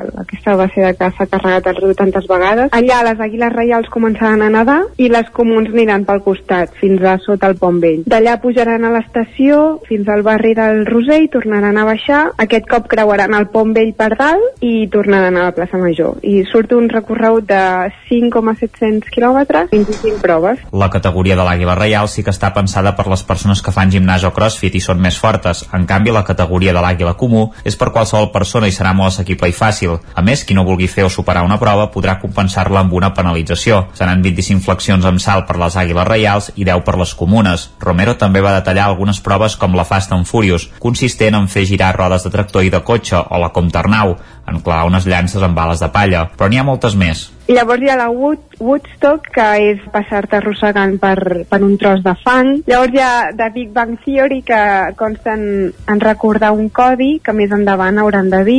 L'antepenúltima és um, pujar un tronc al pont, fins al punt alt del pont vell i tornar-lo a baixar. I la penúltima és un tronc bastant alt, tombar-lo verticalment. La, la primera és el pont vell i l'altra és la basca. I, I llavors l'última serà el pernil penjant, que per mi és la més difícil, que és una fusta horitzontal amb forats i tu hauràs d'anar passant posant pals als forats per anar-te mm, desplaçant de- d'un costat a l'altre de la prova. Els participants tindran 4 hores per acabar la cursa, que es pot acabar perfectament en una hora i mitja. Hi haurà algun participant il·lustre com el corredor Sant Joaní Eric Moya, que vindrà acompanyat de gairebé una desena de bombers provinents d'arreu del país. Per evitar embuts, la gent també podrà escollir si vol córrer amb un determinat grup o amb els amics, i el guanyador n'ha de ser per força el primer que arribi, ja que com que la sortida serà esglaonada, es mirarà el temps real que ha fet cada participant i els resultats se sabran un cop hagin arribat tots a la línia d'arribada.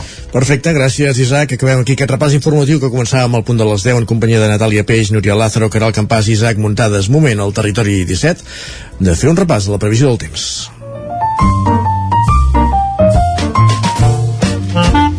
Casa Terradellos us ofereix el temps. La qual cosa vol dir, saludar en Pep Acosta. Pep, benvingut, bon dia. Hola, molt bon dia. Què tal? Uh, què podem dir, què podem dir del dia d'ahir? Mm, Doncs que va ser un dia uh, marcat per aquesta petita pertorbació uh, atlàntica que ens va creuar. Uh, va deixar una mica de precipitacions, la majoria entre el 0 i els 5 litres, jo m'esperava una mica més, les més destacables, eh, uns 8 litres cap a Mollà, eh, 17 a Sant Joan de les Abadeses, eh, 15 a Vic, aquests jocs sí que la pluja va ser una mica més destacable, però a casa nostra, eh, la majoria de les comarques, eh, la precipitació va ser això, eh, entre el 0 i els 5 litres. Eh, llàstima que no va ploure una mica més. Avui mínimes per sobre dels 15 graus i tot a moltes poblacions, Uh, per tant, uh, unes, unes temperatures uh, de fàbula, de fàbula uh, per, per dormir molt i molt bé.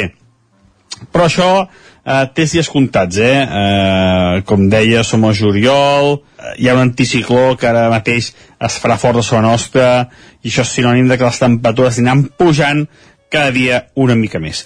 Però anem a pams, anem a pams, i comencem pel dia d'avui, Uh, aquest front que ens va passar ahir és història, i ha marxat, i el sol uh, és el tècnic dominador, serà el tècnic dominador, perdó, del dia d'avui.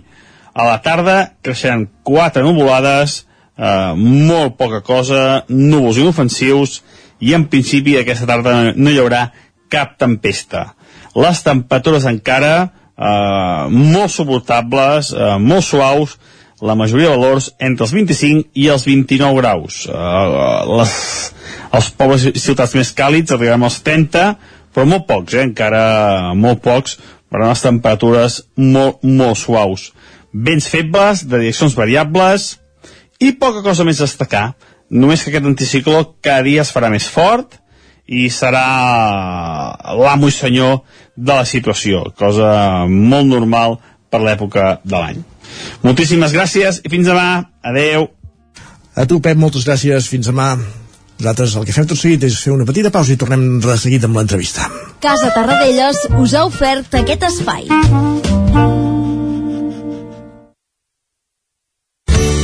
Territori 17. Envia'ns les teves notes de veu per WhatsApp al 646 079 023. 646 079 023. WhatsApp Territori 17.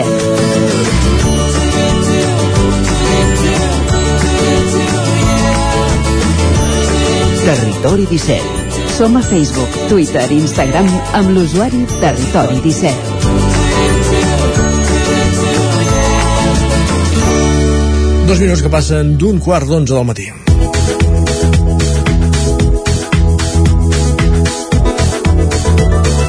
Ja fa dies que en parlem, falta poc menys d'un any per les eleccions municipals i es van coneixent candidats. A Cardeu, l'actual alcalde Enric Oliver, darrer cap de llista per Esquerra Republicana, no opta la reelecció i aquest dilluns al vespre Esquerra organitzava l'assemblea per decidir el cap de llista per les properes eleccions municipals. Òscar Muñoz, Ràdio Televisió Cardeu, bon dia. Bon dia, doncs sí, avui ja parlem amb l'actual cap de llista, bueno, l'actual no, però el nou cap de llista, cap de llista exacte, el nou cap de llista per a les properes eleccions eh, del maig de l'any que ve. Eh, L'elecció era entre en Ramon Arribas i en Joan Masferrer, doncs al final la, les votacions van acabar eh, sortint guanyador en Joan Masferrer. Bon dia, Joan. Bon dia. Com has de viure tot aquest procés com, i com vas rebre aquesta notícia?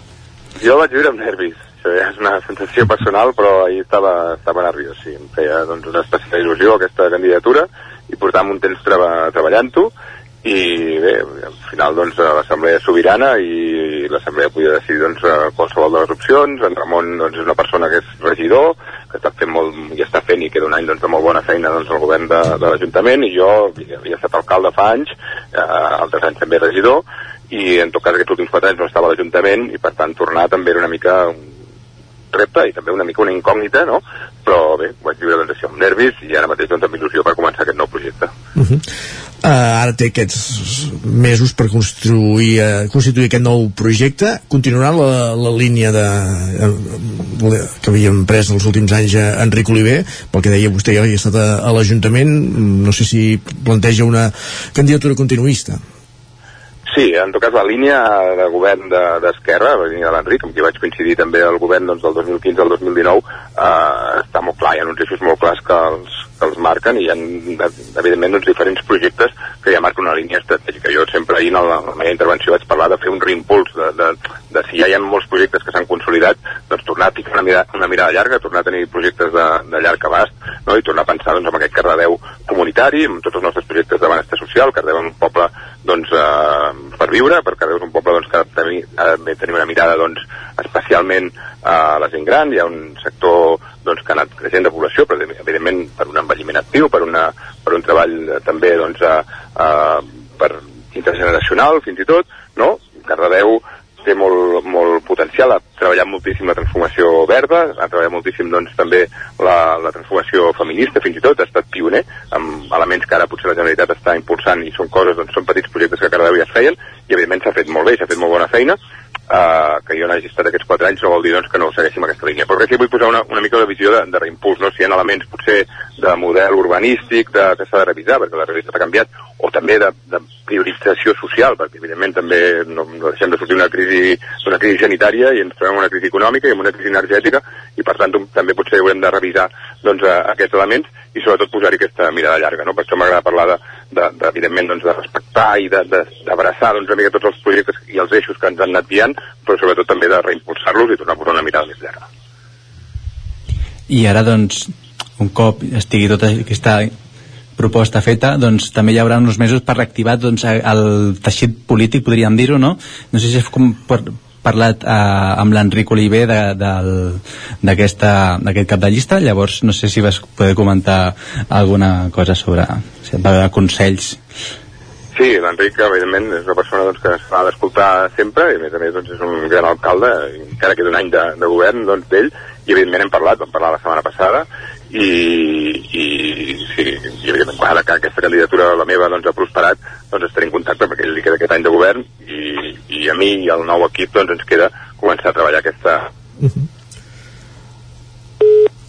hem perdut la comunicació amb Joan Blancafort, intentem recuperar-la i continuem aquesta entrevista. Recordem, Joan, Blanc, Joan Masferrer, perdó, escollit eh, ahir a l'Assemblea d'Esquerra de Cardedeu com a cap de llista per les properes eleccions municipals en substitució de, de l'actual alcalde, Enric Oliver, una assemblea on s'hi presentaven dues candidatures, la de Masferrer i també la de l'actual regidor Ramon Arribas. Intentem recuperar aquesta comunicació i continuem l'entrevista.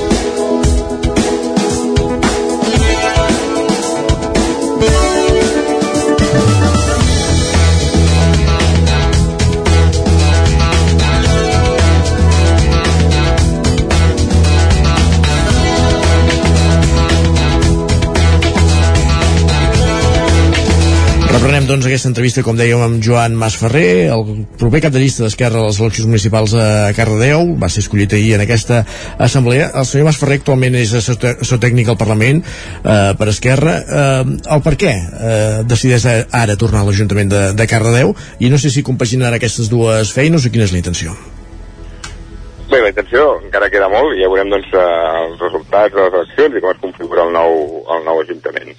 Evidentment, si hi hagués doncs, eh, una situació que suposés, eh, per exemple, una, una alcaldia o un rol important a dintre de l'Ajuntament, eh, acompanyar les feines és impossible, això segur, però d'entrada doncs, eh, estic molt bé també doncs, amb aquesta tasca al Parlament, però jo crec que és una mica la passió pel poble, no? la passió doncs, per, per allò més proper, per un, fer una política doncs, que realment veus uns resultats més, més que afecten doncs, el teu entorn, el teu veïnat, que són una mica la teva gent i vens, no és una política tan a vegades doncs, legislativa o, o com la que podem fer aquí més de control i d'impuls del govern de la Generalitat com, com la que podem fer al, al Parlament. No? Per tant, jo crec que ha estat sobretot la passió pel poble la que una vegada l'Enric va dir que, que no continuava, perquè si l'Enric hagués volgut continuar, evidentment, doncs era la prioritat que, que teníem, eh, doncs em va fer, fer aquest, aquest pas i vaig creure doncs, que podia ser una, una bona opció amb aquest tàndem, que no sé si s'ha sentit abans o s'ha tallat, no? amb aquest tàndem que podem fer amb la Núria Pujolàs, l'actual regidora de Cultura, que crec doncs, que també m'ha ajudat a fer aquesta sortida inicial i que després configurarem amb, amb la resta de la llista en els propers mesos.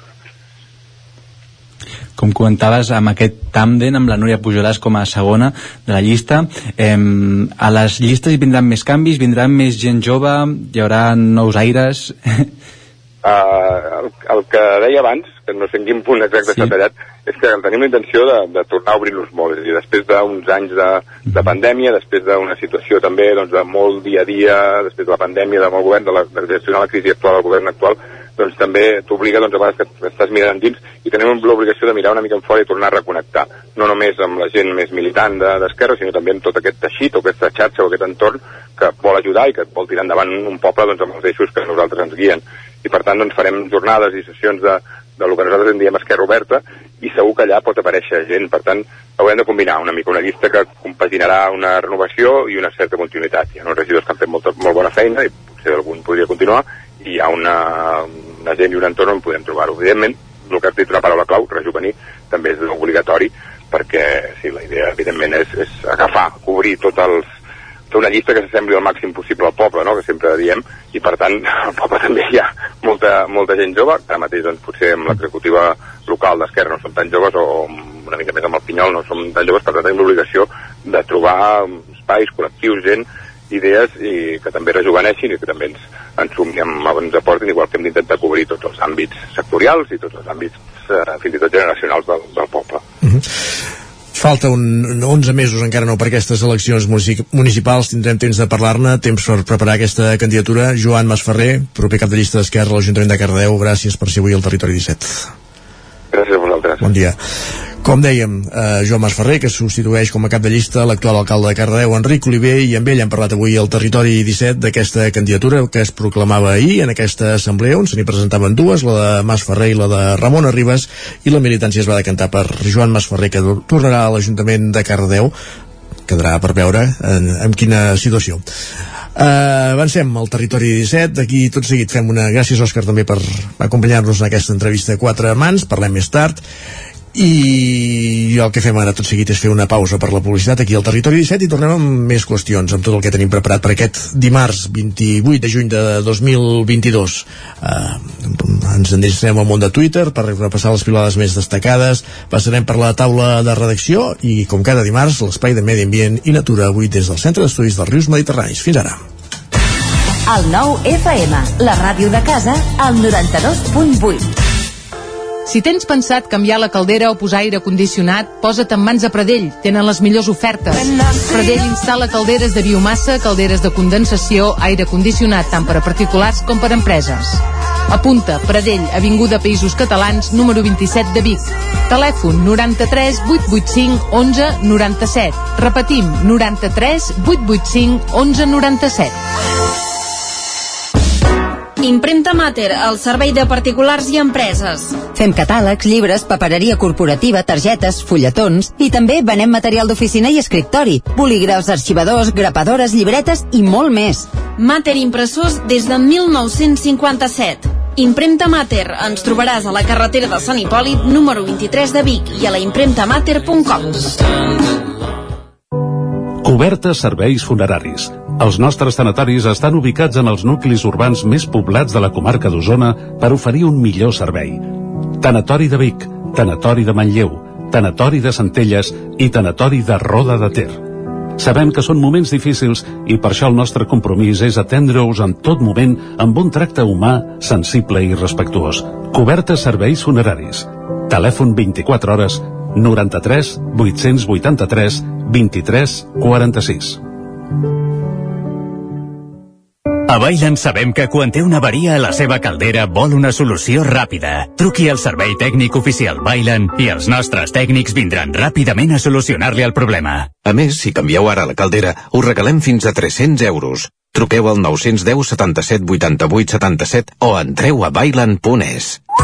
Per moure't, lloga un cotxe ALR. Per moure la família, lloga un minibús ALR. Per moure coses, lloga una furgoneta ALR. Per moure la casa, lloga un camió ALR. Lloguer de cotxes, furgonetes i camions ALR.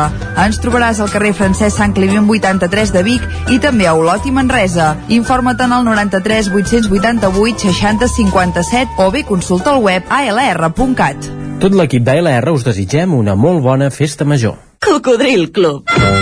Si t'agrada la bona música dels anys 60, 70 i 80, escolta el 9 FM els matins de dissabtes i diumenges d'11 a 1.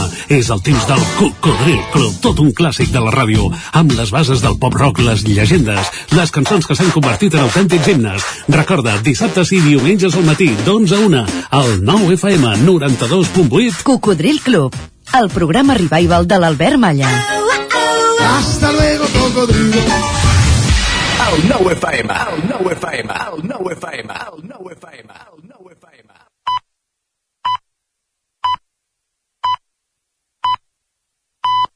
En punt dos quarts d'onze al territori 17.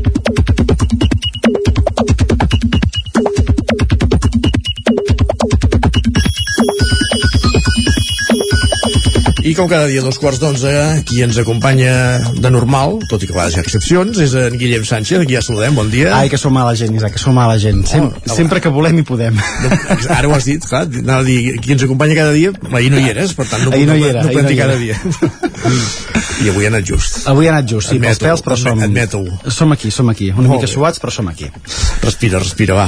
Va, soc molt... Respira i explica'ns què has trobat a Twitter. Va, sóc molt fan de l'opinió de l'Àlex, jo que voleu que us digui, que ens escriu jo passaria directament al cap de setmana perquè crec que ja he tingut massa dilluns i massa dimarts. Jo, jo també. Tu Jo ja també? fet Què ha passat ja? Què ha passat? No, bueno, que, clar, amb, amb tanta festa major, amb tantes coses, hem d'anar ja directament al cap de setmana, que és on, és on es gaudeixen més... La festa major, Correcte, les, les activitats i tota la, tota la gresca que hi ha. Molt bé. Tot i això, sí. jo he de dir, Isaac, que al cap de setmana me'n vaig de casament. Ep, això me'n vaig de casament. Això és molt típic de Vic, hem marxat a Platja d'Aro. No, a, a Platja d'Aro no, ens anem entre, entre Vic i Collsospina, diguem-ho així. Ah, molt bé. I d'això en parlen molt també per Twitter, que ens diuen una cosa és que us caseu i l'altra diu aquests shows cutríssims que freguen la línia de circ esperpèntic. Mm, M'abstindré de fer comentaris. T'abstindràs de fer comentaris? Sí, perquè podria ser molt, molt dur. En Gerard, en aquest sentit, diu i esperpèntiques són les sumes que paguen. Diu, i que pagues, és clar. Però bueno, això, això és el que hi ha. Quan vas de, de casament ja saps que tocarà gastar, gastar una mica. Molt bé. Eh que sí? Sí. Toca. Toca. No, és que estava pensant, m'he de fer una esmena, perquè sí que he dit això de que és molt típic de Vic de marxar per, a Platja d'Aro per festa major. S'ha d'admetre que en els darrers anys, amb tot el fenomen de la crida i Ara, això, ara, s'ha- anat... mm, Bueno, s'ha anat reivindicant la festa, s'ha anat corregint. S'ha anat corregint una mica aquesta... Que segur que hi ha qui va, eh? Però vaja. I que ho disfrutin molt, eh? Exacte. Que ho disfrutin molt. L'Albert en recorda per això que no és fàcil trobar l'outfit per anar a esdeveniments com els casaments, per exemple. Diu, trobar look per un casament és molt esgotador i això que jo no em caso. Exacte. Però s'hi pot anar amb bermudes, eh, també, en un casament, i amb xancletes i amb sandàlies. L'altre és que et deixin entrar. I de fet el més fàcil és comprar-te un vestit de casaments i ja el tens per està. Per tota la vida. Exacte. Això eh, he, he d'admetre que és més fàcil fer-ho entre homes que entre dones que la, També. que, eh, Sí, costa més trobar i si repeteixes sembla que Ah, aquí, aquí anàvem, eh? Aquí anàvem. Isaac. Va, i un consell d'en Ferran que diu això de fer un viatge just després d'un casament és organitzativament un suïcidi. Però es deu posar molt bé, no? Sí, es va posar molt bé podem Home, viatjar, 10 dies viatjar sempre es posa bé. anar 10 dies a Punta Cana o a, no sé, a quins llocs O va la gent de casament Ah, no, sí. Bueno, de fet, va on la gent vol, clar. No, però ha de ser un lloc també que hi hagi una mica de bon temps, no? Ara tampoc cal anar a passar fred ni... Mm, sí, per exemple, doncs no vagis a l'hemisferi sud, no? Per exemple. Clar.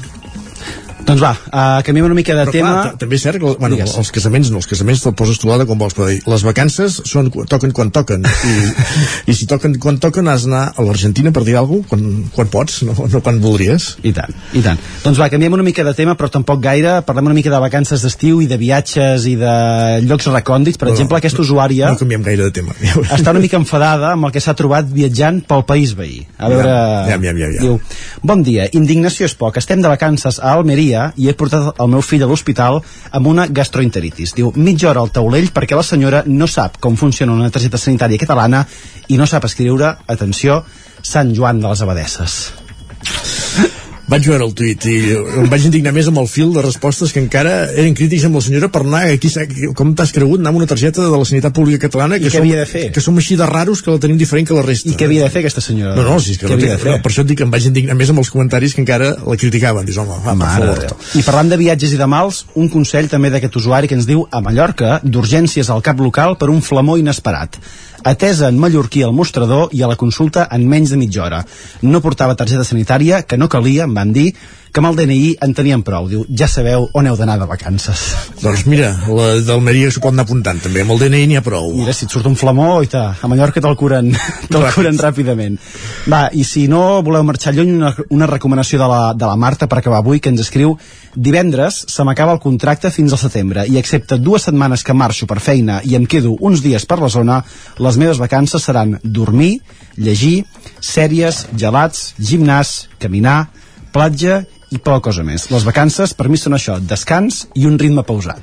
Cadascú es pot agafar les vacances com vulgui i fer el que li convingui, que per això són vacances, de fet, no? I qui tingui vacances aquesta setmana i la setmana que ve, que passi per Vic amb algun dels actes de la Festa Major, que segur que ens hi, que ens hi veurà i que ens ho passarem igual o, o més bé. Què t'agrada més a tu de la Festa Major de Vic? Jo era molt de crida, eh, però clar, aquest dissabte, al tenir aquest altre compromís, no podré assistir-hi. De quin color ets tu? Jo sóc vermell, Tu ets sempre. vermell? Sempre. Són els Carai. millors, encara que ningú ho vulgui reconèixer. Molt bé. I si no, setmana que ve tocarà un Birra Nostrum o algunes barraques o el concert de la, de la Principal o la Meravella, no sé quina, quina toca aquest any. La Principal m'ha semblat Doncs llegir algun sembla, doncs mira, anirem a veure... I la, I la pegatina també, no? O no? Doncs correcte, Principal amb els, amb els avis i pegatina amb els, amb els amics, no? Molt bé. I, I el que sí que està clar és que aquí a, a Can 99 no, no ens mullem, eh? Perquè la capçalera, no? la capçalera és vermella, la del Vallès és verda... I, i les lletres són negres. No, i estem a la zona negra, per tant, dividits. Més que dividits, indecisos, no? Podríem, podríem definir-ho així. O consens. S'ha de quedar amb tothom. Ara. Va, Gràcies, Guillem. demà. Bon dia. Uh, abans de continuar la taula de redacció, pas ràpid a les portades digitals del 99.cat. Vilagrà s'implica la reforma del circuit d'Osona, però no es mullen al centre de, tecnific de tecnificació, això ho diu la portada del 99.cat d'Osona i el Ripollès. Un concurs de música al carrer, estem parlant del concurs de música que, del qual parlàvem la setmana passada l'entrevista i que es farà a Ripoll, liat la triador passa pàgina i un patrimoni en futur incert és el patrimoni del geòleg biguetà Francesc Ferrés. Ràpidament carreguem la portada del 9-9 del Vallès Oriental. Merck amplia la producció de la planta química de Mollet amb 14 milions i mig d'inversió. Dolors Ferrer serà la nova cap de llista de Junts a l'Ametlla i el fracking Balamano Granollers queda fora de la Champions i disputarà l'European League. I ara sí, repassat el món de Twitter, repassat les, les portades del 99.cat, el que fem és endinsar-nos a la taula de redacció per parlar, entre d'altres, precisament de la Festa Major de Vic.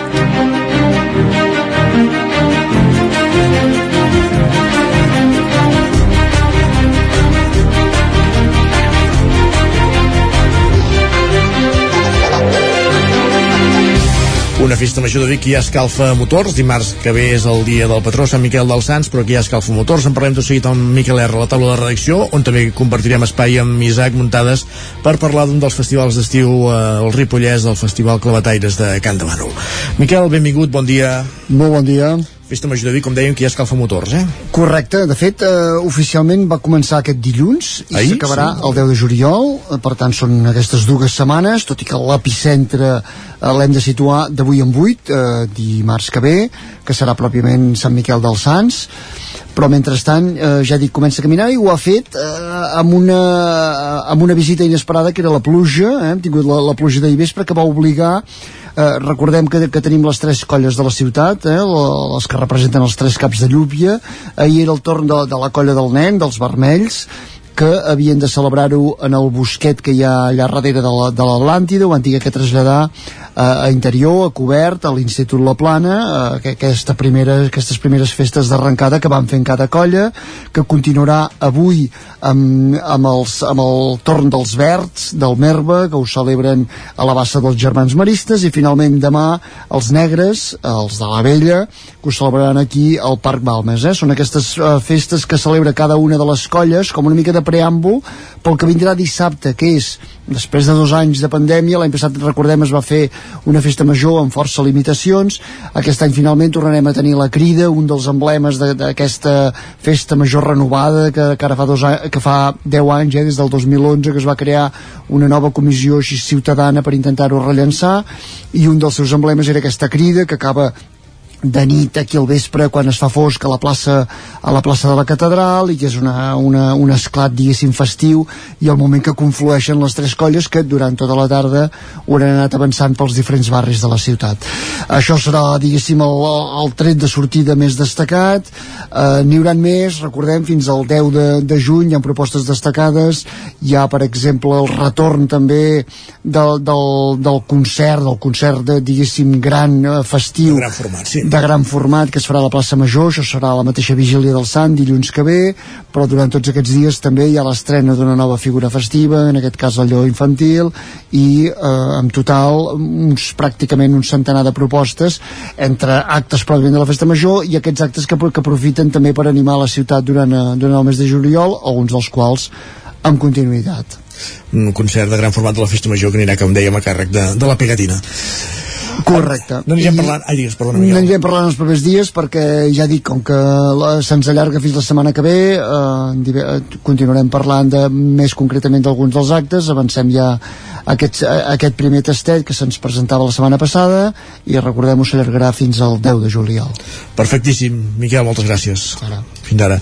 I continuem, com dèiem, aquesta taula de redaccions i companya també l'Isaac Montades, a la veu de Sant Joan. Isaac, bon dia. Bon dia, bon dia.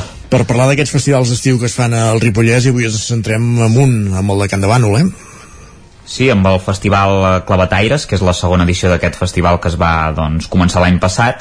Uh, aquest festival recordem que començarà doncs, el pròxim 9 de juliol i es, durant tots els dissabtes de juliol fins al dia, fins al dia 30 hi haurà uh, concerts a, a Can de Bànol, uh, sobretot de música doncs, uh, contemporània. Tots els concerts hem de dir que seran a les 10 de, de la nit i, i gratuïts, però evidentment doncs, caldrà reservar uh, una entrada prèviament per tenir una mica de control de, de l'aforament. Uh, el festival, com us deia, començarà el dia 9, tenim un cartell bastant in interessant, aquell dia uh, diguéssim que el, el pal de paller serà Joana Serrat, que també doncs, Biguetana, aquesta cantautora Exacte, i aquesta cantautora doncs, ni- més a més anirà acompanyada d'Albert Lax que actuarà eh, tot seguit. Després eh, el 16 de juliol que potser també és el dia una mica més, més maco perquè eh, és el dia de la nit de les espelmes que recordem que doncs, s'il·lumina amb, amb espelmes doncs, eh, normalment es feia a la plaça de la dansa. Aquest any s'ha canviat a l'escenari. Es farà a la plaça Clavé aquesta actuació. I tindrem Clara Peia com sabeu, pianista i cantautora. Per tant també un altre, un altre plat fort. I, i també hi tindrem la banda mallorquina Do- Dona Llop que doncs és un, un duet que, que també hi actuarà. Uh, uh, dir-vos també que al, a la plaça de la dansa el següent cap de setmana uh, també hi haurà dos músics destacats. Hi haurà el mallorquí que és membre també de la banda d'Antònia Font Joan Miquel Oliver sí. que en aquest cas tocarà a la plaça de la dansa i eh, tot seguit també el Saragossà Bigot vull dir que és, és un cartell força, força bo i, i el Claurà Germà Aire a l'Espai Nou Vàndalis que seria això la piscina de, de municipal de, de Can Demano per tant ja ho veieu que és un cartell que el que vol una mica és acostar doncs, aquests concerts que es fan més a, la, a les zones de l'àrea metropolitana no? i que a vegades no, no arriben tant a les comarques del Pirineu, tot i que últimament aquí al, al Ripollès s'estan fent un munt de festivals que estan trencant totalment aquesta norma, ja n'hem parlat, eh, ara d'aquí poc també hi haurà el Festival del Contornau de Sant Joan de les Abadeses, eh, que comptarà amb sopa de cabra, hem tingut el microclima de Camprodon, el macroclima, eh, l'Inspira de, de Ripoll també està escalfant motors de cara a la tardor, vull dir que realment eh, un munt de festivals que sí que ens porten doncs, eh, els pets a Camprodon, efectivament, eh, vam tenir obeses a Camprodon també, eh, vull dir que realment doncs, eh, música de qualitat, sens dubte, i, i, sobretot destaca això, eh, que és gratuït tot, eh, perquè és un festival organitzat per l'Ajuntament de Can Davano, que els, el regidor Sergi Colomer va dir que mentre es pugui, eh, que ells el que volen és intentar doncs, que la cultura sigui gratuïta i que tothom, tothom hi pugui accedir-hi. Doncs cartell de luxe, sens dubte, aquest que ens repassaves del Festival Clavadaires aquest mes de juliol a Can de Bànol i n'hem parlat a la taula de redacció. Tindrem temps de parlar d'aquest i d'altres festivals eh, els propers dies. Gràcies, Isaac. A vosaltres. Continuem al territori 17, serà un moment tot seguit de parlar de medi ambient i natura i ho han de fer amb Marc Ordeix del Centre d'Estudis dels Rius Mediterranis.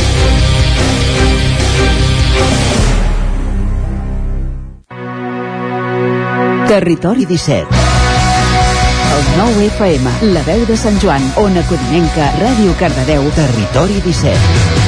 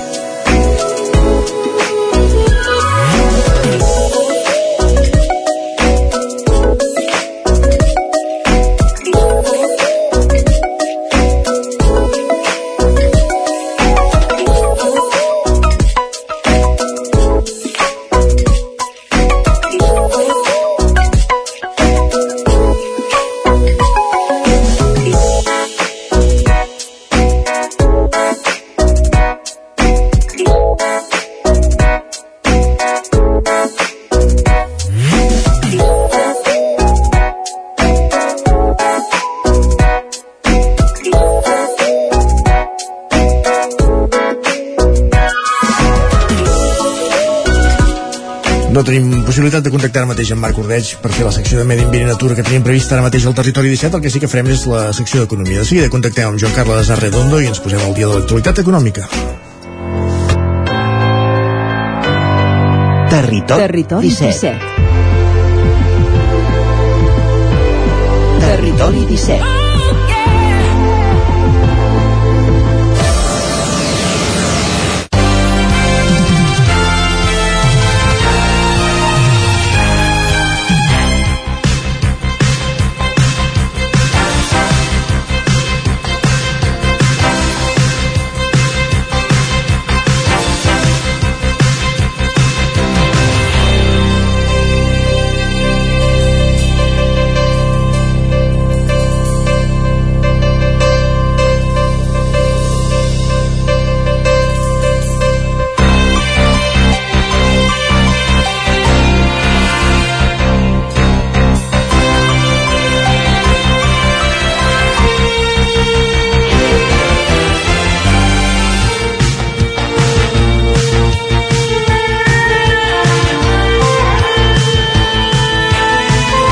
L'espai setmanal d'economia que fem cada setmana al territori 17 i que avui parlarem de la fi de les moratòries en els concursos públics. Tot seguit en parlem amb Joan Carles Arredondo, el cap d'Economia del 9-9 del Vallès Oriental, aquí al territori 17.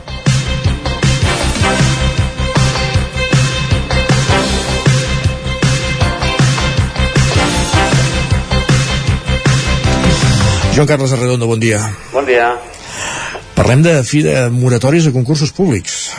Sí, uh, de, de, de, concurs, de concursos de creditors. Concursos de creditors, perdó. Sí, mm, resulta que aquest dijous uh, era ja uh, l'última... Sí, o sigui, es posa fi a l'última pròrroga que, que s'havia fet de, de la moratòria concursal. Uh -huh. uh, van, hi ha hagut diverses pròrrogues des, que, uh, des de l'estat d'alarma, no? I eh, tot apunta eh, que, que les profecies d'una llau de concursos de creditors als jutjats eh, una vegada acabés aquesta monatòria que ara explicarem ara explicarem els motius doncs eh, s'acabarà materialitzant.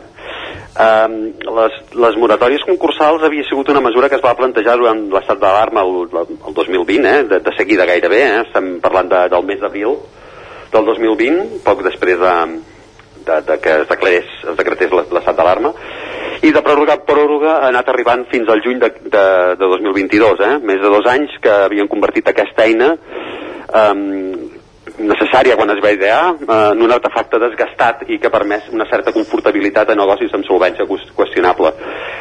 Si no hi ha una nova moratòria, està en extrem bastant impensable en tants pocs dies per davant perquè ven ser l'última que, que havia decretat el govern a finals de l'any passat, eh, les empreses amb més dificultats es veuran empeses a portar llibres als jutjats i demanar concursos que, tot i els retocs legislatius per evitar-ho, eh, aquests concursos acostumen a ser l'avançada de la liquidació i de l'extinció de les societats.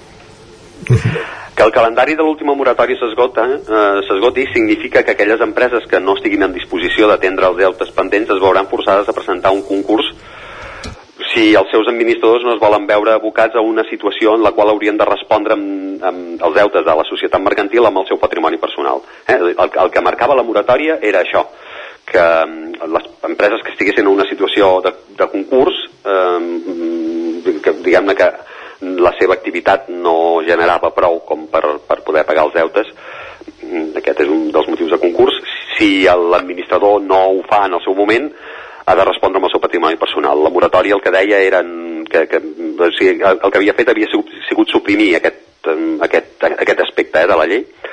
Uh, en els últims dos anys moltes, empreses, moltes empreses s'han vist en situacions delicades, òbviament. Eh? Al principi de la pandèmia, confinaments forçosos, era lògic pensar mm, que la impossibilitat de desenvolupar l'activitat amb normalitat provocaria tensions en empreses de tot tipus.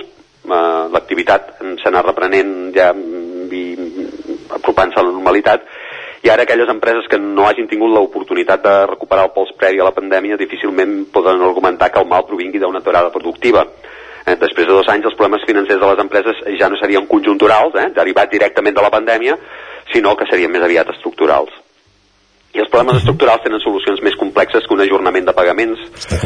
I, per tant, això els porta a l'obligatorietat de posar ordre als deutes en concursos de creditors. Posar, és una manera de disposar ordre, eh? El que, el que es fa és un, un, que ha, es, es nomena un administrador que determina de quina manera es pagaran aquests deutes i si no es poden tots, doncs quins eh, es paguen prioritàriament, etc. Eh? Una, una mica el que, el, el que es dona amb els concursos de creditors és aquesta situació.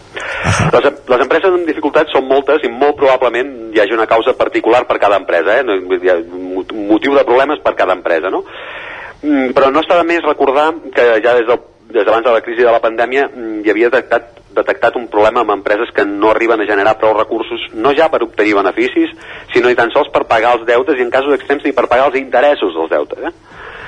Aquestes empreses són les anomenades zombi, n'hem parlat alguna vegada en, el, en aquest espai, i el seu nombre varia en funció de qui sigui l'autor de l'estudi que les quantifica.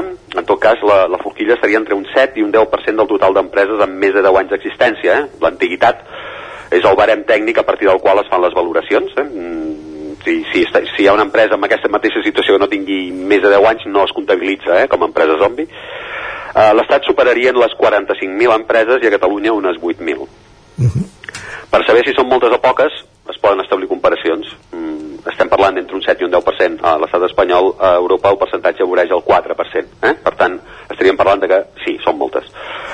Uh, empreses que només poden seguir vives amb la respiració assistida, més deute sobre el deute que tenen acumulat, i no tenen una oportunitat d'invertir per guanyar valor, generar més activitat, crear llocs de treball, i això obliga els bancs a mantenir mm, obertes línies de crèdit per, per anar cobrint el deute que té aquella empresa, eh?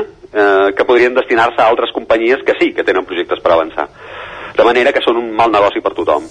Eh, si a aquestes empreses se'ls afegeixen altres que han caigut en aquesta situació per circumstàncies sobrevingudes i deixen de tenir el matalàs d'una moratòria concursal, no es fa difícil entreveure que els concursos s'incrementaran. Aquest, això és el que s'estan tement als, jutjats mercantils, que a partir del setembre comencin a caure molts concursos i això vol dir molt, certes dificultats, no?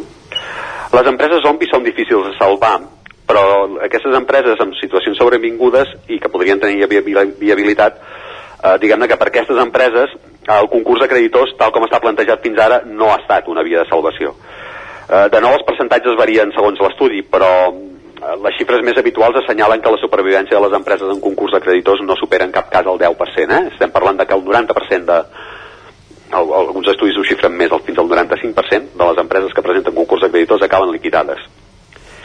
Eh, per tant, com a eina de salvació, el concurs de creditors, diguem-ne que eh, sí, seria millorable. Eh?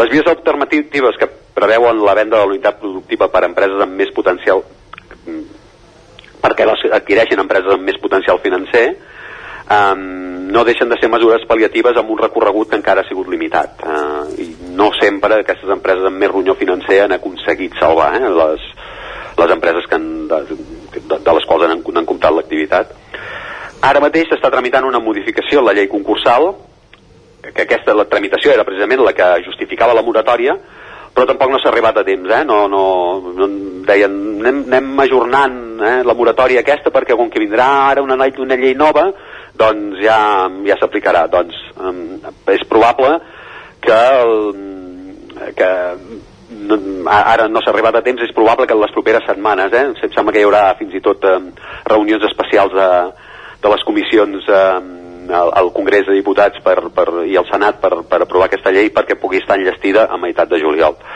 Eh, caldrà veure el resultat d'aquesta tramitació, això, eh, que es preveu que sigui per d'aquí poques setmanes, per si és un instrument útil per evitar que el concurs sigui l'avançada del tancament. Eh, està per veure tot plegat, eh, en tot cas quan, quan estigui aprovada mirarem d'aprofundir una mica en, en, si considerem que, que aquesta possibilitat es dona. No? En tot cas, eh, l'existència d'empreses tan fortament endeutades que arriben a no tenir capacitat per pagar els deutes o fins i tot els interessos obre una altra reflexió sobre l'elevat endeutament general de l'economia, la privada i també la pública. Fa uns anys, el 2018, en una entrevista que, que li van fer, el, el que llavors era el, el degà del Col·legi d'Economistes, eh, Joan Baptista Casas, eh, deia que dormim sobre un matalàs de deute. Des de llavors el matalàs s'ha fet més gruixut i els esforços de particulars, empreses i el més preocupant, estats per pagar els deutes, doncs augmenta. I augmentarà ara que mm, els tipus d'interès eh, estan en, en tendència alcista, no? Uh -huh. L'economista Hyman Minsky tenia conceptualitzats determinats moments per definir eh, el deute. Eh? I amb quins són? Un en el moment que tothom paga amb normalitat, eh? que en deia moment d'estabilitat. Sí. Un en el qual l'endeutat pot pagar els interessos però no el deute original, que ell en deia fase especulativa. I un tercer en el qual no es poden ni pagar els interessos, que ell en deia moment Ponzi, eh? perquè Ponzi era un estafador, i li va posar aquest nom. El problema és que, com que, com que el que va dissenyar aquest, aquesta teoria es diu Minsky, molts parlen del moment Minsky, i el, el pobre ha quedat aquí com si fos ell, l'estafador, eh? eh co co coses que passen. El moment Minsky, el moment, eh? Sí, sí. eh és quan tot això passa, esclata, no? I eh, ahir llegia un article de la BBC en què explicava eh, això de, de, del moment Minsky, i ho deia molt gràficament, no? No sé si, si recordes el, el Correcaminos i, i el sí, Coyote i tot això, no? En moment en què el Coyote estava en un precipici, s'adonava que estava en el precipici i intentava fer uns passos a l'aire, però clar, la gravetat feia la seva feina i queia, no? Doncs el moment Minsky seria el moment aquest dels passos a l'aire, sense... No? Ostres, ara m'estic adonant que m'estamparé, no? Que no tinc res a terra. I, sí. i aquí, diguem-ne que aquest és el moment que mm, a la crisi del 2008 podria ser la caiguda de Lehman Brothers, per exemple, no? Per exemple. Aquí tothom es va adonar que havia fet massa, massa gran la bola i que això no hi hauria manera de solucionar-ho i que, efectivament, acabaríem estampats. Uh, el 2008, això, eh? Molts rellegien Minsky llavors, eh? Fins i tot Krugman va fer una conferència que deia la nit que tothom va rellegir Minsky. Sí. Doncs... Uh, no, no, no havíem fet gaire èxit, eh? mentre ell va estar viu no vam fer gaire èxit. Les teories, però ara van apareixent. Minsky ha ressuscitat després de morir el 96 doncs eh, les relectures si el 2008 tothom rellegia Minsky ara amb la situació que estem mmm, tornem a estar en una etapa de, de relectures eh, aquest 2022 a veure que a, a, a, a veure si el saben rellegir i com a mínim evitem caure en el precipici.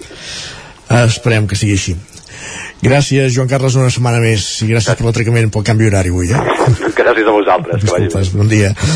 Joan Carles Arrent, del cap d'Economia del 9-9 al Vallès Oriental. Hem parlat aquí de la fi de les moratòries dels concursos de creditors i la situació que pot abocar algunes empreses en, en situacions més o menys crítiques. Amb ell arribem al punt de les 11, moment d'actualitzar-nos aquí al territori 17.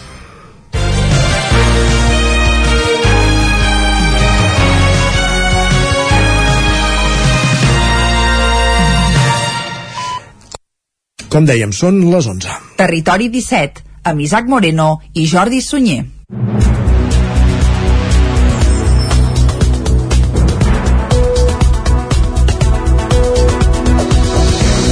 Moment d'actualitzar-nos, moment de posar-nos al dia amb les notícies de les nostres comarques. L'ONG Calda Solidària ja ha pogut construir dues de les tres aules previstes al Centre Sociocultural que fa anys que impulsa el Senegal. Ona Codinenca, Caral Campàs. El Centre Sociocultural Calassans, a la localitat senegalesa de Mampatim, ja ha vist construïdes dues de les tres aules previstes en el projecte que impulsa des del 2019 Calda Solidària amb el suport de l'Ajuntament. Aquesta és la iniciativa solidària que rep més suport econòmic des de la regidoria de cooperació cooperació. Enguany el consistori hi ha destinat 34.700 euros que serviran per col·laborar a construir aquest centre que es destinarà a promocionar els infants i joves de la zona. En la propera fase, entre aquest any i el vinent, es construirà aquesta tercera aula. El centre es va inaugurar l'any passat després que la pandèmia endarrerís les obres. Es tracta d'un espai sociosanitari i multifuncional amb zones per infants i joves i també per la població en general i que pot acollir activitats de tota mena, des de l'acompanyament personal a tallers educatius. L'objectiu de tot plegat és, en paraules del cooperant calderí Josep Artigas, en l'última visita que va fer a Caldes al setembre, desbatllar la població de la zona. El Centre Sociocultural Calassans està situat al sector de Fouladou, una de les zones més pobres del país, i el va impulsar l'entitat senegalesa Associació Educació Solidària amb el suport de Josep Artigas.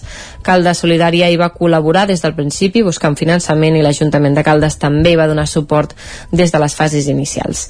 Fins al moment s'ha aixecat una sala polivalent, anomenada Sala Catalunya, s'ha tancat perimetralment al centre, s'han fet uns lavabos i pistes de bàsquet i handball. Les aules que s'estan construint han de permetre realitzar activitats de formació, reflexió i organització. Gràcies, Caral. Més qüestions. Determinar quina ha estat l'aportació del món científic per tal de pal·liar els efectes del conflicte bèl·lic a Ucraïna. Aquest era l'objectiu del seminari internacional que es va celebrar ahir a la Universitat de Vic amb la participació, entre d'altres, del director de la Comissió Europea a Barcelona, Manuel Zapiro. Des que va començar la guerra, a la Universitat de Vic hi han arribat 8 investigadors ucraïnesos. Clàudia Dinarès. Des de la primera fila de la sala de Sagimon Serrallonga de la Universitat de Vic, l'investigador ucraïnès Mikola Kariton Karitonov seguia amb atenció al seminari que es va celebrar ahir per reflexionar sobre les accions que s'han fet en l'àmbit científic per minimitzar els efectes de la invasió russa a Ucraïna. En Mikola va arribar a principis de març a Vic, fugint de la guerra. Un cop aquí va incorporar-se a l'equip de professionals del Centre Bet Beta. Ho va fer en el marc del programa Science for Ukraine, que el mateix Centre Beta coordina a nivell estatal amb l'objectiu de donar continuïtat a les carreres professionals dels investigadors ucraïnesos. Uh, Sergio Ponsa és director del Centre Beta. Si nosaltres estem liderant la iniciativa a nivell estatal eh, Science for Ukraine, és una iniciativa a nivell mundial on diferents eh, entitats de, de l'àmbit acadèmic doncs estem intentant coordinar-nos per oferir oportunitats per científics, eh, per investigadors, per professors i per estudiants ucraïnesos per poder continuar la seva carrera fora d'Ucraïna. I això a nivell, a nivell de cada estat hi ha un coordinador. Nosaltres som els coordinadors des del centre beta d'aquesta iniciativa a nivell estatal i una mica doncs, el que estem fent és eh, veure com podem incrementar les oportunitats que s'ofereixen per, aquesta, per aquestes persones. En Micola va ser un dels primers investigadors ucraïnesos que va arribar a Vic. En aquests moments hi ha vuit investigadors d'Ucraïna que viuen i treballen a la capital usonenca, sis ho fan al Centre Beta i dos a la Universitat de Vic, Sergio Ponsa. Òbviament, eh, quan aquestes persones van arribar la seva situació era era complexa, era complicada, però l'adaptació ha sigut molt bona i ara mateix doncs, estan totalment integrats dintre del nostre equip de treball, fent la feina que faria qualsevol altre investigador. I al final això, són, són, els volem dignificar amb, la seva, amb el seu dia a dia i són investigadors com poden ser la resta d'integrants del, del, del, de l'equip beta. La jornada va comptar amb la presència via telemàtica del director de la Comissió Europea a Barcelona, Manuel Zapiro, i de membres del govern ucraïnès i de la Universitat de Poltava. La Biblioteca Joan Triadú de Vic ja ha tancat portes definitivament després de 26 anys, 26 anys d'història. Dijous va ser l'últim dia de l'equipament. Aquest estiu es farà el trasllat de tot el material cap a la nova Biblioteca Pilarín Vallès, que s'inaugurarà el 7 d'octubre. De l'any demà de Sant Jordi de 1996 a la vigília de Sant Joan de 2022. Entre aquestes dues dates simbòliques quedarà escrita la història i les històries que ha acumulat la Biblioteca Joan Triadú de Vic i que ara ja ha tancat portes definitivament. De la seva cent cendres en naixerà a partir del 7 d'octubre la nova biblioteca Pilarín Vallès, situada al passeig de la Generalitat. Esther Ferrés és la directora de la biblioteca Joan Triadú. Els que l'han pogut veure, no? tothom reconeix que és un equipament fantàstic, amb molts espais, amb molts recursos, i que per tant doncs, eh, esperar que els usuaris que hem tingut aquí i els usuaris que no venien doncs els, ens retrobarem a la nova biblioteca. Durant aquests mesos d'estiu es durà a terme el trasllat de tot el material, en total més de 90.000 documents. També els vuit treballadors de la Triadú passaran a treballar a la nova biblioteca, un trasllat amb nostàlgia i il·lusió a parts iguals, Esther Ferrés. Hi ha aquest punt, evidentment, de, de nostàlgia, no?, i de tots aquests usuaris que hem vist créixer, no?, que els hem vist a la sala infantil i llavors van passar aquí a la sala d'adults i que ara els retrobarem a la Pilar Vallès però és això també el que he dit, eh? molta il·lusió també pel nou projecte, per aquest nou model de biblioteca, no? que serà biblioteca i molt més, i per tant això, avui una barreja de, de sentiments. Bueno, de fet, tots aquests dies, eh? no? que quan ja s'ha fet palès que ara ja tancàvem per preparar el trasllat no? que tot i que ens, ens sap greu eh, tancar uh, aquests mesos però és absolutament necessari per, per traslladar tot aquest volum de fons que tenim Completat el trasllat, l'espai que ocupava la Biblioteca Triadú a l'antic convent del Carme prendrà forma de centre cívic. Pel que fa a la Biblioteca Pilarín Vallès, ja té dates d'obertura. El 7 d'octubre se'n farà la inauguració. El 8 i el 9 hi haurà jornada de portes obertes i a partir del 10 ja s'atendran els usuaris. Després de dos anys trampejant la pandèmia, Vic recupera la festa major en el seu format habitual. Del 27 de juny al 10 de juliol, la capital usonenca acollirà un centenar d'actes adreçats a tots els públics. Per primera vegada el pregó, que aquest any anirà a càrrec de Jaume Iats, es farà a la plaça de la Catedral. Amb total normalitat, així és com es presenta la Festa Major de Vic, que es desplegarà des d'ahir i fins al 10 de juliol, una normalitat que es fa evident amb la reprogramació després de dos anys de pandèmia i en el format habitual de la crida.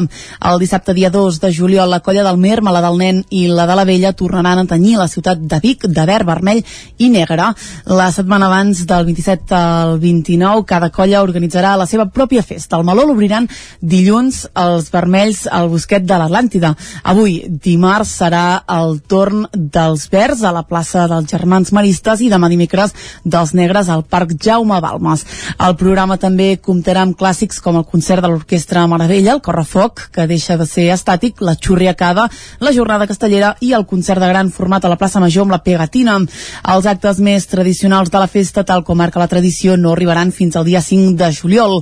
A un quart d'onze del matí de l'Ajuntament i arrencarà el seguici de la Festa Major, una comitiva que per primera vegada espera convidats. Bet Piella és la regidora de Cultura de l'Ajuntament de Vic. Aquest any, després de molts anys de treball, des del 2013, eh, volem que finalment, eh, si és possible, el seguici de la Festa Major de Vic sigui inclòs en el catàleg de patrimoni festiu de Catalunya. Això vol dir que han de venir eh, les persones responsables de la Direcció General de Cultura Popular i Associacionisme Cultural han de venir el dia del seguici, veure com funciona el seguici, veure que bonic que és el seguici, perquè el puguin incloure en aquest catàleg de patrimoni festiu de, de Catalunya. El dia abans, el dia 4, Jaume Iats farà el pregó de la festa des de la plaça de la Catedral.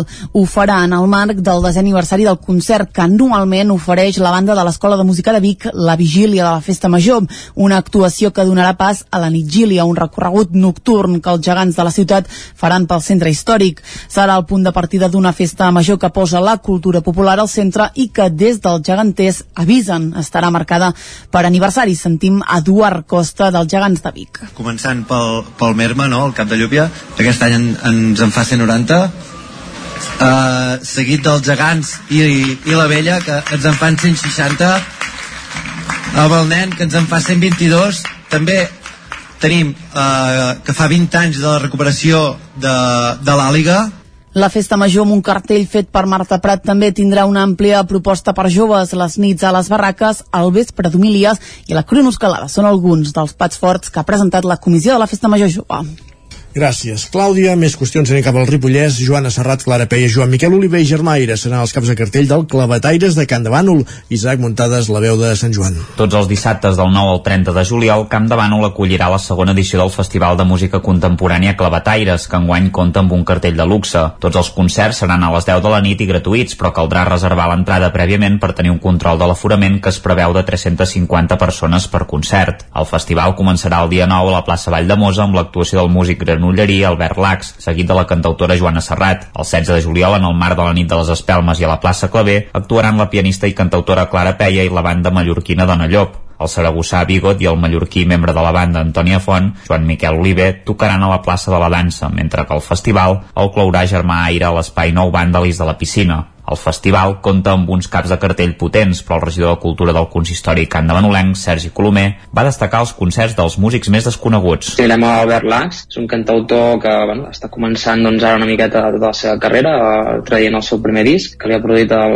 el Quimi Portet. Per un cantant que està començant, doncs començar música viva a la plaça Major de Vic, doncs, doncs ja diu molt, no? Bueno, creiem que és una proposta que, que és, és diferent i que pot encaixar bastant bé amb, amb la idea del festival local, no? El següent cap de setmana, el dia 16, doncs tenim a Dona Llop, que és un duet mallorquí, són una noia i un noi, i bé, tot i que actualment estan visquent aquí a Catalunya, sempre tiren, tiren molt cap a bueno, la música aquesta que tenim eh, que estem acostumats des de les illes, i ens porten una miqueta no, aquesta idea amb aquest món més oníric i diferenciador. I després, per últim, doncs tenim a Bigot, que Bigot jo no definiria com un, com un secundari, és el contrari, no? O sigui, jo crec que és una lluita entre dos dos estils molt diferenciats i que alhora doncs, crec que són molt potents per combinar-los els dos junts. Clavataires és un festival organitzat per l'Ajuntament de Can de Bànol i amb el suport de la Diputació de Girona que està liderat pel regidor de Cultura i la tècnica del consistori d'aquest àmbit. Colomer explicava que enguany han intentat que el cartell sigui més femení que l'any anterior i que la seva idea és acostar aquest tipus de música al Pirineu, la qual se sol fer a Barcelona i a les grans ciutats del país. L'any passat van reunir unes 1.200 persones entre tots els concerts i, per exemple, al concert de Pau Vallvé hi havia més gent de fora de Can de Bànol que del poble.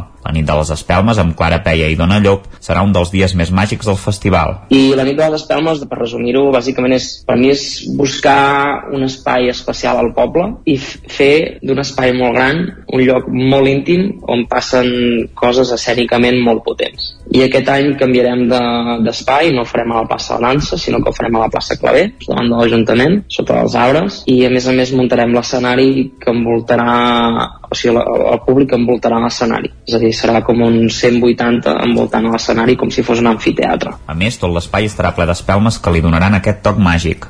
Esports.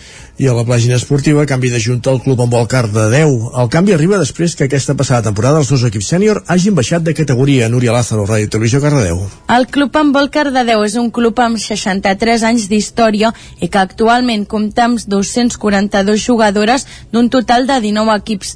Aquesta darrera temporada els dos equips sèniors han baixat de Lliga Catalana a Primera Catalana, però el club afronta el final de temporada amb optimisme de cara a poder remuntar la temporada vinent. Una temporada amb una junta directiva renovada. S'ha acabat el mandat actual i David Colomer passarà a ser el nou president amb Guillem Mitjà com a secretari, Lluís Talents com a tresorer i Albert Garcia, Salva Ribalta i Manel Martín com a vocals. David Colomer, nou president del Club amb el Cardedeu. fet una junta renovada, diguéssim, i la idea és una mica continuar amb la idea que es portava, però eh, intentarem fer un pas endavant en el que és el nivell competitiu dels equips. Tenim una massa de jugadors molt important i ara el que volem és eh, fer un pas endavant en la competitivitat dels nostres equips. Aquesta nova junta directiva, juntament amb la nova coordinació tècnica del club, van ser presentats en un acte el passat 15 de juny a l'Esbarjo, acte on també es va aprofitar per fer un homenatge a la jugadora Mireia Boter, David Colomer. per arribar a anar seleccionat amb una convocatòria de la Federació Espanyola doncs has de tenir unes qualitats que en el cas de la Mireia són innegables. Però bueno, ens sentim molt orgullosos perquè vol dir que els tècnics del club han sabut doncs, treure profit de, de les seves qualitats i la veritat és que el que, el que ens agradaria a nosaltres és que no fos una excepció, sinó que, que cada vegada més doncs, puguem tenir jugadors d'aquest nivell. De cara al club es celebra l'èxit de la Mireia i s'espera que en un futur no sigui una excepció i es pugui veure triomfar amb més jugadors del club.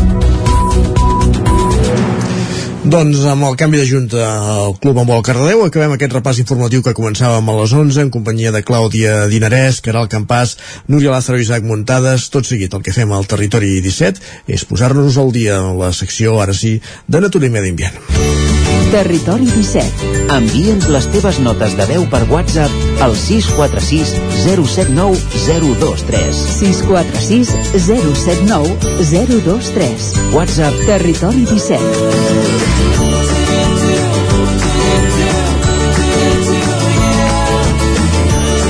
Territori 17. Som a Facebook, Twitter i Instagram amb l'usuari Territori 17.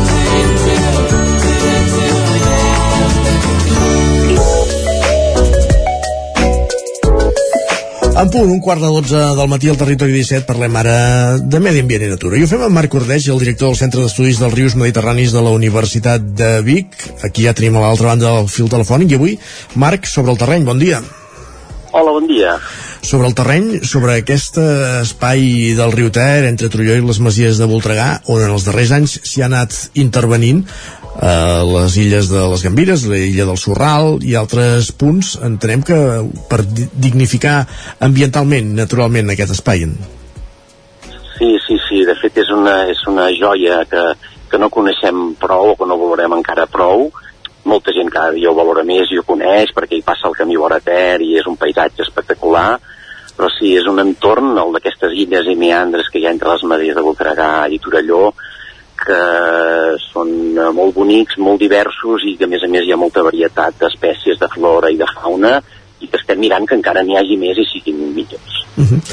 Quines són les intervencions que s'hi han fet per, per començar, per entendre'ns? Bueno, fa, fa uns anys que des, de, des del Centre d'Estudis dels Mediterranis i del Museu del Ter, en col·laboració amb, amb el Centre Tecnològic Forestal de Catalunya, i hem anat duent a terme treballs, per exemple, d'eliminar doncs, escàcies, arbres, arbres d'aquests eh, que ocupen, que són invasors, que són foranis i que ocupen espais que havien estat abandonats, eh? Sí. I, i havíem anat fent també plantacions, per exemple, eh, fa 12 anys, 13 anys, eh, amb una, a través d'un projecte europeu que es va acabar, ens vam quedar ja que ens quedàvem sense diners, però ens va venir una oportunitat que era eh, l'illa del Sorral, aquesta illa que fa unes 7 hectàrees, uns 7 camps de futbol que queda en terme de les Masies davant de Torelló, doncs eh, vam tenir la possibilitat de eh, intervenir en un projecte que el propietari tallava tota una pollancreda que hi havia dins de l'illa, sí. li van dir que les illes es havien de protegir i que eh, era molt important que, que hi plantés. Si no, no li donaven el permís tampoc per tallar aquells pollancres, però que no n'hi podria plantar més perquè les illes a partir d'ara venien a ser una mena de mini parcs naturals. Uh -huh. Llavors, nosaltres li vam dir que teníem arbres de, de, de Ribera, que d'un planter que havíem fet a l'Arboret, a Manlleu, en un espai municipal, però no teníem ni diners ni personal. I vam anar rumiant, rumiant, rumiant, i al final vam arribar a un acord amb l'Institut de, del Botreganès, sí. perquè juntament amb estudiants doncs, fer unes, unes plantades en aquests llocs, en aquesta illa, en, a, per substituir aquesta pollancrera. Aquest senyor s'hi va poder, va poder treure els pollancres, nosaltres vam poder ajudar a millorar una illa, no? Aquesta illa de fa 12 anys ara ha canviat moltíssim, ara ja és una illa doncs, molt, molt forestada, molts arbres, però encara té una sèrie de, de mancances, i més amunt hi ha una altra illa, que és l'illa de les Gandides, doncs que també estava molt deixada, no? Sí. També li faltava aigua amunt dels braços, el braç més petit, etc etc. I llavors aquí ens vam animar una altra vegada amb el Centre Tecnològic Forestal de Catalunya, eh? que, que amb un equip liderat per el torellonenc Jordi Camprodon, que a part d'amics doncs, és un bon investigador, etc. doncs eh, vam demanar un projecte, un projecte LIFE. Un projecte LIFE, que són projectes de conservació de la natura, projectes europeus, que eh, et paguen una proporció important, has de buscar un cofinançament, eh? et paguen un 70% del que tu demanes si t'ho donen, clar, i en aquest cas vam dir, home, podíem centrar-nos en com millorar els boscos del riu, sobretot les vernedes, eh, aquests arbres que necessiten estar ben ben arran d'aigua, amb l'arrel xopa, etc. Busquem alguns espais de Catalunya que siguin prou representatius eh, i que incloguin com a mínim aquestes illes que per nosaltres és la joia de la corona, no? Uh -huh. Llavors vam preparar un projecte amb una part d'actuacions al Segre, al Segre, amb un espai que sabíem que era propietat de la Fundació Catalunya la Pedrera i que sabíem que hi havia moltes possibilitats de recuperació, amb un tram, per tant, de muntanya, el tram aquest que dèiem nosaltres aquí, també vam incloure uns trams del Ripollès per millorar tema de cabals ambientals, d'acord amb una empresa hidroelèctrica, Estavanell Energia, que té molta sensibilitat en aquests temes, i també finalment vam incloure un tram del Congost, a Granollers i entre Granollers i la Garriga, un tram de riu més mediterrani, molt més urbanitzat, molt més urbà, eh? perquè hi hagués doncs, això, un, tres ambients molt diferents, eh? un entorn més urbà, un entorn més agrari, que seria l'Osonenc, i un entorn més eh, d'alta muntanya, que seria el del Ripollès i, i la Cerdanya, no? Uh -huh. I, i, I ens van donar aquest projecte, eh? Uh -huh. I llavors això va anar molt bé i ara doncs estem a la fase final. De fet, ara ens queda d'aquí a Nadal per acabar aquest projecte, eh? Ha tingut una mica d'endarreriment, però bueno, estem complint eh, els plaços i ara el que hem fet és, en el concret en aquest tram d'aquestes illes i meandres de les Gambilles i Gallifa, doncs eh, hem anat una mica més enllà del que havíem fet doncs, fa 12-13 anys i eh, per una banda en aquesta illa, l'illa del Sorral, doncs s'ha tret una passera que travessava l'illa de banda i banda, sí. que, que era una passera que hi havia molta gent que la feia servir per anar doncs, a caminar en bicicleta i aquí se els han fet una prestada, s'ha de reconèixer, sí. eh? Però era una passera que no estava pensada perquè la gent transités. De fet, hi ha hagut algun accident que no va acabar amb una desgràcia, però s'hi va costar. Passarem els dies aquell, aquell gual de formigó que travessava el riu, per entendre'ns, eh? Exacte, aquell gual de formigó... Entre la Riera, Torelló i Masia, sí. El, fe, el feia servir molta gent entre Torelló i les Masies per estalviar-se parlant clar controls d'alcoholèmia. Sí, o els caps de setmana, sí. sí, eh? sí. Eh? I llavors sí. això, si has begut una mica o has pres alguna cosa, i no controles massa i el riu ha pujat, ell té molts riscos, no? Correcte, sí, sí. Va, Llavors aquesta passera... Sí. Clar, no, no, hi ha hagut algun cas, doncs ja dic, fa 3 o 4 anys d'una parella que poc s'hi van, s'hi queda com a mínim un dels dos, sí, sí. hi han hagut altres altres eh, situacions difícils, eh? i en tot cas aquest qual estava tenia un permís per treure àrids, per treure sorra i còdols a l'altra banda del riu, amb tota explotacions d'àrids legals, eh? Sí, sí. i per portar-los a la banda, diguem, de, de les masies. En el moment que aquestes, aquests permisos eh, van caducar, no se'ls va donar renovació i l'Agència Catalana de l'Aigua va donar el permís i de fet ella mateixa va executar l'eliminació d'aquestes aquest, passeres. Per què? Eh? No era per empipar a ningú, sí. eh? segur que algú s'ha empipat, però ja és molt greu, però mai, mai treballes, mai plou a gust de tothom, que diuen, Correcte, eh? sí, sí mm, en aquest cas era per millorar la biodiversitat, per millorar el moviment dels peixos amunt i avall, les llúdrigues, el sol, etc i per fer que les illes aquestes tinguin una forma més natural i sigui més salvatge. Tot aquest entorn ja ho és molt, però encara pot anar una mica més enllà. Eh? Amb què... Això és no... Ah, digues, digues. No, anava, de pre... No, no, digues. anava a preguntar amb què hem millorat eh, des del punt de vista que comentaves ara de la diversitat eh, del medi ambient tot aquest, tot aquest espai, diguéssim tant entenem pels amfibis, per les plantes per, per, per Exacte. no? pels peixos, Els eh? peixos. pensa que tots, tota la fauna ha de poder moure's amunt i avall, si es troben amb un obstacle, en aquell obstacle es concentren i després els depredadors eh, o qui sigui doncs se n'alimenta, moltes vegades són espècies invasores que es concentren en aquests llocs i depreden sobretot el que poden i a més a més en els llocs on l'aigua està molt quieta i hi ha més espècies invasores que no pas autòctones. Un tram de riu que té rebetjos, zones de ràpids, zones lentes, que hi ha molta diversitat d'ambients, hi ha més presència d'espècies autòctones com el barb, la bagra, la truita, etc. Eh? Si un riu està molt transformat, amb molts obstacles, amb moltes passeres, amb moltes rescloses, és un riu més artificial, més pobre, etc etc. no? I això doncs, es, va, es va dur a terme l'eliminació d'aquesta passera fa un mes aproximadament sí. i de fet fa una setmana ja vam fer un primer mostreig de peixos i el riu ja està canviant, ja hem vist que hi ha molts més barbs eh, que ja la proporció de peixos d'aquí està pujant eh, eh, i, i no tan sols això vull dir, hem eliminat aquesta passera però també hem fet activitats més amunt, a l'illa de les Gambires que és l'illa que queda per damunt sí. que hem fet al revés, hem rebaixat el nivell de la illa, en aquest cas és una illa que estava abandonada, hi havia moltes escàcies, eh, la vegetació no era ni el que tocava i estava tot molt desendreçat, sobrepasturat, etc. Hem fet el bestiar d'aquesta illa i a més a més el que hem fet és treure mm, gòdols del centre de l'illa, fer que l'illa es pugui inundar, fer com una llacuna interior i a més a més fer que el braç principal del riu, que a partir d'unes extraccions d'àrids excessives que superaven de molt que pot admetre un riu, eh, doncs fer que aquell braç de riu pugés de nivell i es tornés a inundar el braç petit de l'illa de les Gambires que s'havia anat assecant progressivament. D'aquesta manera tornem a tenir una illa aïllada, unes illetes petitones que hi ha en amunt, com una mena d'arxipèlag, com si diguéssim, sí. s'hi ha plantat, s'hi han plantat arbres, eh, un, no sé si ara són un miler escaig d'arbres, no recordo ara la xifra, s'estan regant, a partir de setembre-octubre ja no s'hauran de regar més, ja hauran arrelat, però ara s'estan regant, i, i també doncs, aquest braç de riu que havia quedat sec, que ja estava tot ple de peixos sol i altres espècies invasores, ara doncs ja és un tram de riu ple de barbs que torna a ser molt natural, que és el que avui eh, Uh -huh. estem visitant uns inspectors de la Comissió Europea, justament. Perfecte. I el que també hi hem vist aquí en els darrers mesos que ha aparegut és aquest observador d'ocells sobre aquest espai, Mm. bàsicament, no? Diguéssim, per, que una cosa que, que denota, diguéssim, la, la presència d'aquests animals també en aquest entorn natural. Sí, aquest, aquest observatori d'ocells eh, és un projecte molt antic, eh, que vam dur a terme des del Centre d'Estudi dels Mediterranis, però que era un projecte que des del grup de naturalistes d'Osona, del que també formem part, fa molts anys que intentàvem buscar fórmules, eh, perquè des de que es van començar a instal·lar les depuradores a Osona, als anys 90, el riu va millorar de qualitat i cada vegada hi havia més peix i crancs disponibles per la fauna. Eh?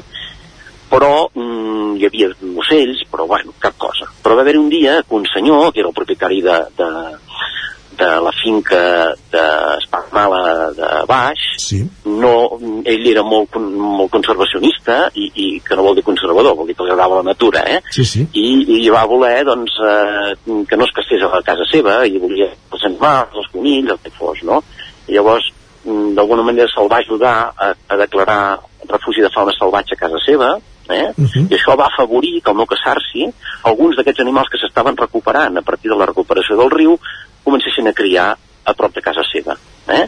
Al final de la illa, ai, de la illa de la finca, doncs toca el riu, hi havia una verneda molt xula i allà, davant dels pollancres, van començar a aparèixer dues, tres, quatre, cinc parelles de martinets de nit, al cap d'un temps eh, n'hi havia 12 i al final van canviar de costat de riu, es van instal·lar damunt dels verns i de mica en mica van anar creixent fins eh, aquest any, aquest any, aquest any estem fent el recompte, ara hi ha més de 200 parelles, possiblement 300 parelles d'ocells, que és per tant una de les colònies d'ocells aquàtics més importants de Catalunya, n'hi ha algun al Delta de l'Ebre que, que és a prop de, no sé si són 800 parelles, però vaja, estem a dins del, de, de les 3, 4 dels 3-4 llocs de Catalunya més interessants pel que fa a ocells aquàtics. Marc, se'ns acaba el temps. Uh, vale. Ho hem de deixar aquí. Reprendrem la temporada vinent en una altra secció. Moltíssimes gràcies per tota aquesta informació. Igualment. Bon dia. Que vagi molt bé. Adéu. El nou FM, la ràdio de casa, al 92.8. Passema, comercial de maquinària i utillatges amb més de 50 anys al vostre servei. Visiteu la nostra botiga i trobareu productes de gran qualitat. Passema, som al polígon Sot dels Pradals, al carrer Cervera 10 de Vic. Telèfon 93 885 32 51. Us desitgem una bona festa major de Vic. Si tens pensat canviar la caldera o posar aire condicionat, posa't en mans a Pradell. Tenen les millors ofertes.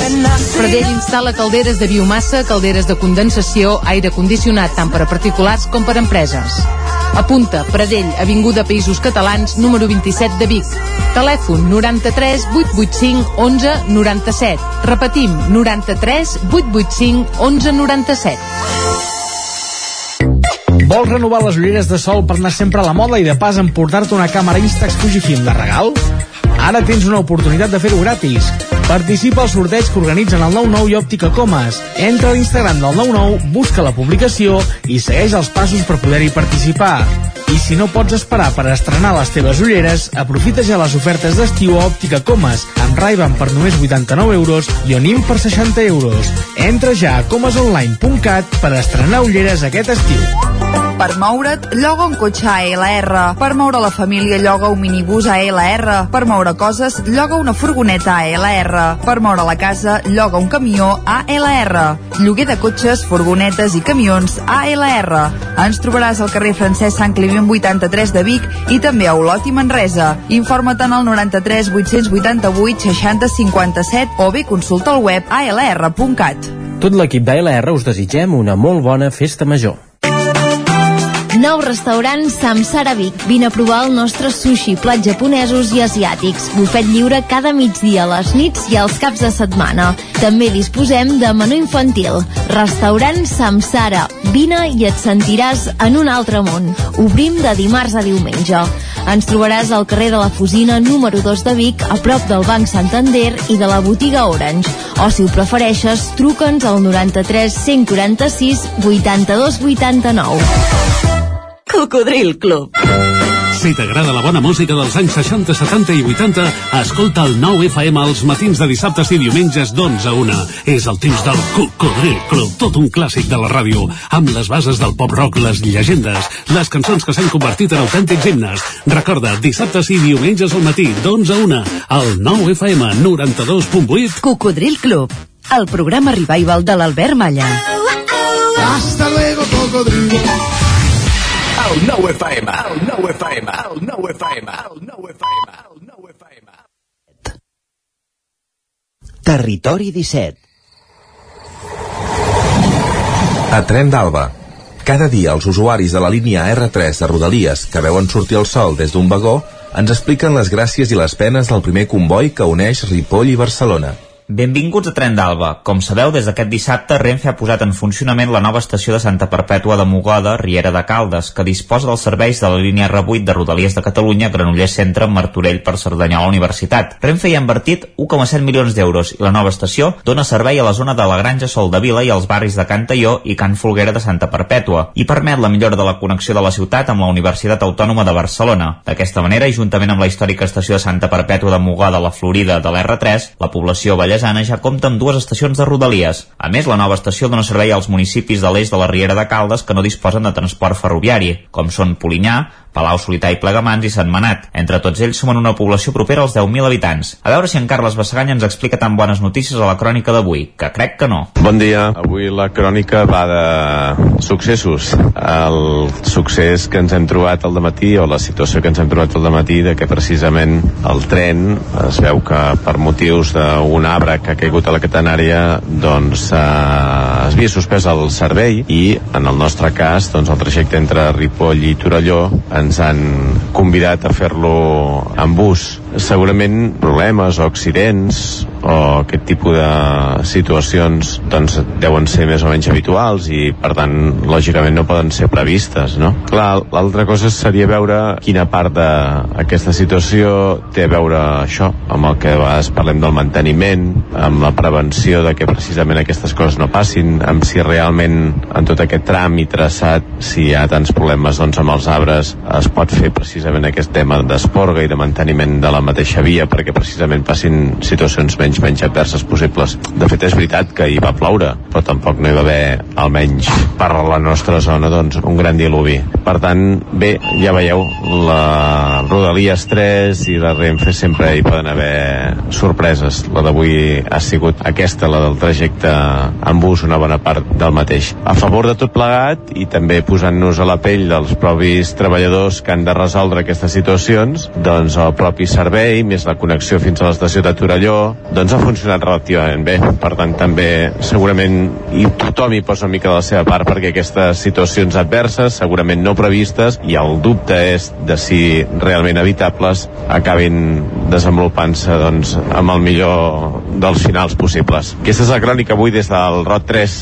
Adéu-siau. Sincerament, segur que hi té molt a veure el tema del manteniment. Si hi hagués més cura a l'hora de cuidar l'entorn de les vies, no caurien arbres o pedres cada dos per tres, ja que no és una cosa puntual, sobretot a les èpoques més plujoses. En fi, ens retrobem demà amb més històries del tren i de l'R3. Territori, Territori 17. Territori 17.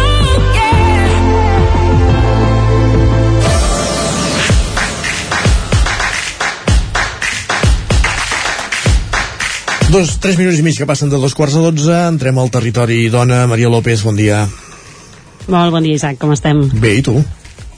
A punt? Doncs aquí preparada a punt eh, per, una, per una nova tertúlia, un nou territori dona que arriba carregat de notícies eh, i amb molt de debat. Eh, una tertúlia que té tota la intenció del món de posar sobre taula aquests debats diaris al voltant de la lluita feminista. I com no podia ser d'una altra manera, per la tertúlia d'avui comptem amb les companyes de Territori 17. Des del Nou Ràdio avui ens acompanya la Natàlia Peix, que ens porta un dels grans titulars internacionals d'aquesta setmana. Oi, Natàlia? Doncs sí, perquè el Tribunal Suprem dels Estats Units ha anul·lat el dret constitucional a l'avortament que s'havia establert fa gairebé 50 anys, el 1973, i que donava protecció legal a l'avortament a nivell federal. Doncs tenim debat important amb aquest titular que ens porta la Natàlia, però també comptem amb la Caral Campàs, des d'una codinenca, que ens informa de l'última hora de la llei trans, de la que hem parlat ja algunes setmanes aquí a Territori Dona, oi, Caral? Doncs sí, aquest dilluns el govern espanyol ha donat llum verda a aquesta llei trans, és la norma per la igualtat plena i efectiva de les persones trans, que no ha tingut una tramitació gens fàcil i us en parlaré més endavant. Doncs després ens fas aquests apunts perquè de moment començarem amb l'efemèride del dia i és que avui 28 de juny se celebra el dia de l'orgull LGTBIQ+, i hem aprofitat la jornada per demanar a diferents testimonis per què continua sent tan important celebrar una jornada com la d'avui. Així que portem una secció plena de debat i d'orgull. Som-hi doncs amb el Territori Dona. Doncs com dèiem, obrim aquesta jornada de celebració i reivindicació i és que avui és 28 de juny, Dia Internacional de l'Orgull LGTBIQ+. I en una jornada com aquesta volem obrir amb una pregunta que hem fet arribar a tres perfils diferents vinculats a aquesta lluita. La pregunta, per què segueix sent tan important celebrar una jornada com la d'avui? Amb aquesta pregunta hem parlat d'entrada amb la Cati Pallàs. Ella és presidenta de l'Associació de Famílies LGTBI. Cada 28 de juny eh, celebrem que les persones dissidents de la norma heteropatriarcal varen dir prou a viure d'amagat i varen dir prou a les violències que patim per part de la societat i, i, i de l'establishment, no? del poder. El que fem és celebrar l'alliberament LGBTI. Però també és cert que amb els anys hem anat aprenent que aquest canvi social eh, requereix de trencar amb creences i dinàmiques que estan profundament arrelades i que si realment volem tenir espais socials segurs i respectuosos amb aquesta diversitat necessitem tenir tot el suport institucional i, i totes les aliances que puguem anar teixint. Aleshores la celebració del Pride és un recordatori de que la lluita continua. Cada 28J tenim una quota de visibilitat que ens ajuda a poder mostrar quines són les nostres reivindicacions que encara estan per resoldre i fins que aquestes eh, reivindicacions no, no, no siguin resoltes eh, tenim aquest, eh, aquesta obligació no? de sortir al carrer cada 28J l'obligació de sortir al carrer per aquesta demanda de, de drets i d'igualtats eh, ens demanava la Cati Pallàs, presidenta de l'Associació de Famílies LGTBI. Però també hem volgut traslladar aquesta pregunta a una persona, un artista que ja s'ha convertit en tota una icona del moviment. Ell és en Joan Liaño, exconcursant d'Objectiu Paqui i exconcursant d'Eufòria, que ahir cantava al Palau de la Generalitat precisament amb motiu d'aquesta celebració. Doncs mireu, primer de tot, perquè encara crec que no hem fet ni el 50% de, les, de totes les coses que volem arribar a aconseguir, tot i que també hem d'estar molt agraïts per bàsicament imag tot, imagineu-vos tota la gent d'abans. La gent que el, del nostre col·lectiu l'horcaven, les apallissaven, els mataven. Aquesta gent ha hagut de lluitar molt perquè nosaltres tinguem uns drets que ells no van tenir. Per tant també sempre agraïment a totes aquestes persones que vivim en un món on el que encara per desgràcia passen moltíssimes coses horribles però res a veure amb el de les generacions anteriors i s'ha de seguir fent aquest dia de l'orgull perquè hem de seguir lluitant per a totes aquestes persones del passat que han lluitat per nosaltres hem de seguir lluitant per les nostres generacions avui en dia i hem de seguir lluitant per les generacions que venen perquè ho hem de fer així que aquesta és la meva opinió de per què encara ha de seguir existint un 28 de juny un dia de l'orgull LGTBIQ+. Aquest reconeixement que feia el Joan Lianyo, tota la lluita prèvia, històrica, per aquest moviment LGTBIQ+, però també pensant en les properes generacions. Uh, I també, uh, ja en clau local, hem volgut traslladar aquesta pregunta, uh, per, per què continua sent uh, important celebrar aquest Dia de l'Orgull, en aquest cas a Luc Luqueti, és regidor d'Igualtat de l'Ajuntament de Cardedeu, que ens deia això. Tot i que hi ha hagut eh, relatius avenços en els darrers anys, i que, que avui en dia a nivell formal no?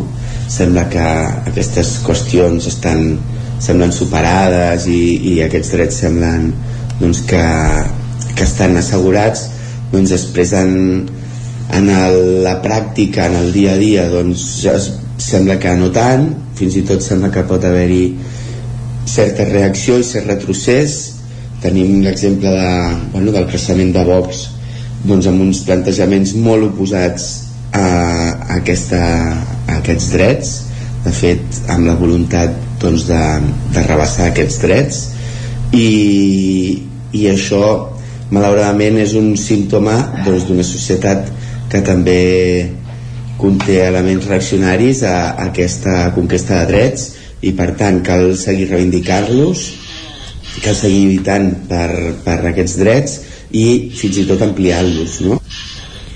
ampliar aquests drets i per què era tan important també comptar amb, amb aquestes declaracions del regidor, bàsicament perquè a nivell d'agenda, no sé si en els vostres municipis s'organitzen activitats, però en el cas de Cardedeu hi ha prevista tota una jornada de celebració per aquest dissabte 2 de juliol a partir de les 11 del matí amb xerrades i vermut musical. Però això, això que es farà aquest dissabte aquí a Cardedeu, eh, en realitat no fa tants anys que es pot fer que realment se celebri una jornada de l'orgull en un municipi petit, eh, si mirem 10 anys enrere, segurament molt, molts pocs municipis celebraven una jornada com aquesta i únicament se celebrava a grans ciutats com Barcelona o Madrid. Eh, Natàlia Caral, no sé si en els vostres municipis o, o rodalies eh, hi han previstes eh, activitats en aquest sentit. Sí, en el cas de la comarca d'Osona, molts ajuntaments pengen avui la bandera de l'Arc de Sant Martí, hi hauria un acte central a Vic organitzat pel Consell Comarcal d'Osona, el SAI Osona Osona i l'associació Tal Com Som aquesta tarda a dos quarts de set una cercavila reivindicativa que anirà fins a la Rambla del Passeig, sortirà de la plaça Major i al passeig serà on es farà la lectura del manifest i també una performance. A més, eh, s'il·luminarà amb els colors de la bandera LGTBIQ+, al Temple Romà de Vic. En paral·lel hi ha un acte convocat també pel Comitè Orgull d'Osona a les 7 de la tarda davant de l'Atlàntida, un recorregut que sortirà des d'aquest punt i anirà fins al Parc de la Bassa dels Hermanos. I també volia volíem destacar que Sant Julià de Vilatorta, per primera vegada, avui s'hi llegirà el manifest del Dia de l'Orgull, serà dos quarts de vuit del vespre a l'Aula de Cultura de l'Ajuntament, amb la presentació del llibre Maricona, d'Unai Avilés, que és veí del municipi. Caral, a la teva zona no sé si tenim previstes també algunes Mm. accions. Sí, a veure, com bé comentaves, en pobles petits potser no és tan habitual, els últims anys doncs, ha agafat més embranzida, eh, i us comento, a Caldes de Montbui eh, es va llegir un manifest ahir davant de l'Ajuntament i es va fer una performance, també fa uns dies es va oferir una xerrada al TOC, que és el punt d'espai juvenil, eh, i pel que fa als actes previstos per celebrar el Dia de, de l'Orgull, també eh, van impulsar una campanya que es diu A Caldes, establiments lliures de violències masclistes i LGTBI fòbiques, una campanya doncs, en establiments comercials que no sé si eh, potser l'heu trobat també replicada en altres eh, poblacions, que, que es tracta doncs, que els establiments del municipi que s'hi han adherit eh, han rebut una formació específica eh, doncs, per tal de comprometre's a aplicar un protocol d'actuació en cas de viure doncs, un cas de, de violència masclista i a més eh, els comerços s'han identificat ta- també amb, un, amb una imatge concreta. Um, després a, Vigues i, i Riells del FAI uh, doncs es llegirà un manifest avui al Teatre Auditori Polivalent a partir de les 7 de la tarda i després hi haurà un espectacle que es diu Monólogos uh, Poligoneros uh, que és un espectacle doncs, d'humor uh, i a Granollers uh, potser l'acte més important uh, de, de la comarca del, del Vallès Oriental a partir de dos quarts de vuit del vespre s'ha organitzat una marxa unitària amb motiu doncs, doncs de, de la, del dia d'avui. Eh, és una marxa organitzada per la coordinadora feminista de Granollers i l'entitat Trenquem Armaris que han unit les seves forces per preparar aquesta manifestació que, que com us deia començarà a partir de dos quarts de vuit de, del vespre a la Porxada No sé si estareu d'acord, però hi ha una mica la, la percepció eh, externa, potser, eh, però, però de que el que són eh, les mobilitzacions o actes que s'organitzen als municipis, moltes vegades tenen un caire molt més de reivindicació, i potser si ens anem a les grans capitals eh, trobem potser una, un tema molt més festiu, no? Eh, no sé si esteu d'acord eh, amb això, i d'altra banda, com veieu també que els municipis comencin a fer, a fer aquest tipus d'actes des del municipi, fins a quin punt és important des de la, la part local eh, treballar en aquest sentit. Natàlia? Sí, eh, moltes persones del col·lectiu trans, per exemple, d'Osona, expliquen no, que, i segurament passa en, en molts altres llocs, que és molt diferent, eh, per exemple, no, ser una persona trans eh, a Osona que ser-ho en una gran ciutat. I també doncs, eh, passa amb altres persones del col·lectiu LGTBIQ+, que aquí hi ha unes característiques, hi ha unes circumstàncies concretes, sobretot la, la manca d'anonimat no? que, que hi hauria en una gran ciutat, que fan doncs, que, que aquestes persones visquin la seva experiència, la seva vida d'una manera diferent aquí que, que en un lloc més gran on, on tothom passa més desapercebut i per tant que hi ha unes, també unes reivindicacions concretes no? aquí i llavors sí que enllaçant amb el que comentaves Maria doncs segurament eh, aprofiten aquests dies també per mostrar-se més una altra circumstància eh, que poder es produeix en, en llocs més petits és que potser costa més també d'aglutinar col·lectius en aquest sentit. Per exemple la societat com som està passant un moment en què s'ha hagut de, de replantejar també la seva continuïtat. Eh, de moment han decidit tirar endavant però s'han trobat doncs, que, que han quedat amb una junta molt reduïda i, i han hagut de posar sobre la taula això que, que feien no, amb, amb l'entitat, una entitat que tenia més una vocació eh, no només usonenca sinó més de, de Catalunya central. Per tant, bé, segurament això les circumstàncies també determinen com, com han d'articular-se aquests col·lectius a, a, a comarques, no, si ho podem dir així o en llocs més petits.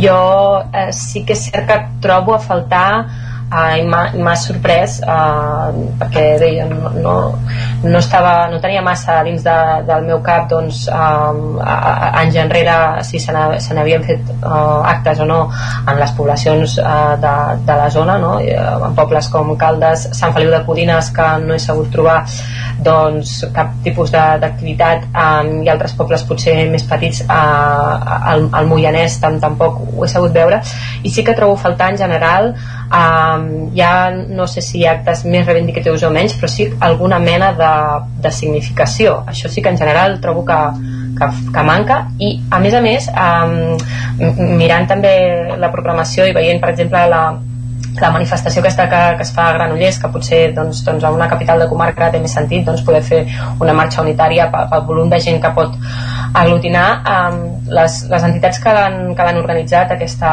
aquesta marxa unitària, Coordinadora Feminista de Granollers i, i Trenquem Armaris, també parlaven una mica i denunciaven que a, a Barcelona doncs, que hi ha el Pride uh, BCN um, doncs, ho, ho reivindicaven en un sentit negatiu perquè consideren que aquesta doncs, darrere d'aquesta marca hi ha com tota una mena de conglomerat i associació d'empreses de, de, amb la qual la renten una mica la cara eh, doncs totes, tot tipus això eh, d'iniciatives empresarials que es presenten com a gay friendly eh, i, i a més a més també comentaven aquestes entitats que, que el Pride Barcelona eh, no va adoptar en enviar antiavalots per reprimir de forma violenta una protesta LGTBI que hi va haver el 27 de juny del 2019 a plaça Universitat. Per tant, bé, es barregen doncs, potser amb certs factors de, de la societat capitalista que tenim al voltant i que, i que se n'aprofiten una mica no? de, de, de diades com avui per, per fer una mica de, de rentat de cara. Això també cal, cal tenir-ho en compte capitalisme que també arriba a la jornada d'avui, aquest Pride, i que crec que d'alguna manera és una cosa que passa davant l'evidència de molta gent, que s'ha celebrat així durant molts anys, però que ja és quasi històrica, no?, aquesta contraposició entre la part més reivindicativa i la part més festiva d'una jornada com la d'avui. I si us sembla, després d'haver fet aquesta revisada també d'agenda, canviem de, de tema perquè la Natàlia ens portava un dels grans titulars internacionals d'aquesta setmana. Som-hi, Natàlia. Sí, primer va transcendir com a filtració periodística i ara ja s'ha confirmat el Tribunal Suprem dels Estats Units anula el dret constitucional a l'avortament que s'havia establert fa gairebé 50 anys, el 1973, i que donava protecció legal a l'avortament a, a nivell federal. Els jutges del Tribunal Suprem, amb una àmplia majoria conservadora, perquè hi ha sis jutges d'aquest perfil per tres de més progressistes, després dels nomenaments fets en el mandat de Donald Trump, consideren que la Constitució no empara l'avortament i que tampoc és un dret a protegir pel seu arrelament històric. Amb aquesta resolució, la legislació sobre l'avortament passa a mans dels estats que podran garantir aquest dret o bé prohibir-lo i el que ja està passant de fet és que en molts estats governats per republicans entraran en vigor plenament canvis legals que ja s'havien anat eh, preparant o fent els últims anys que restringeixen molt o prohibeixen l'avortament en pràcticament tots els casos. Més de 20 estats ja haurien preparat projectes de llei en aquest sentit un exemple eh, o un parell d'exemples eh, són Idaho i Oklahoma. En el cas d'Idaho es prohibeix el dret a l'avortament, només es contempla en casos molt concrets de violació o d'incest i es premia amb 20.000 dòlars les famílies que denuncien clíniques, persones o col·lectius que ajudin a avortar.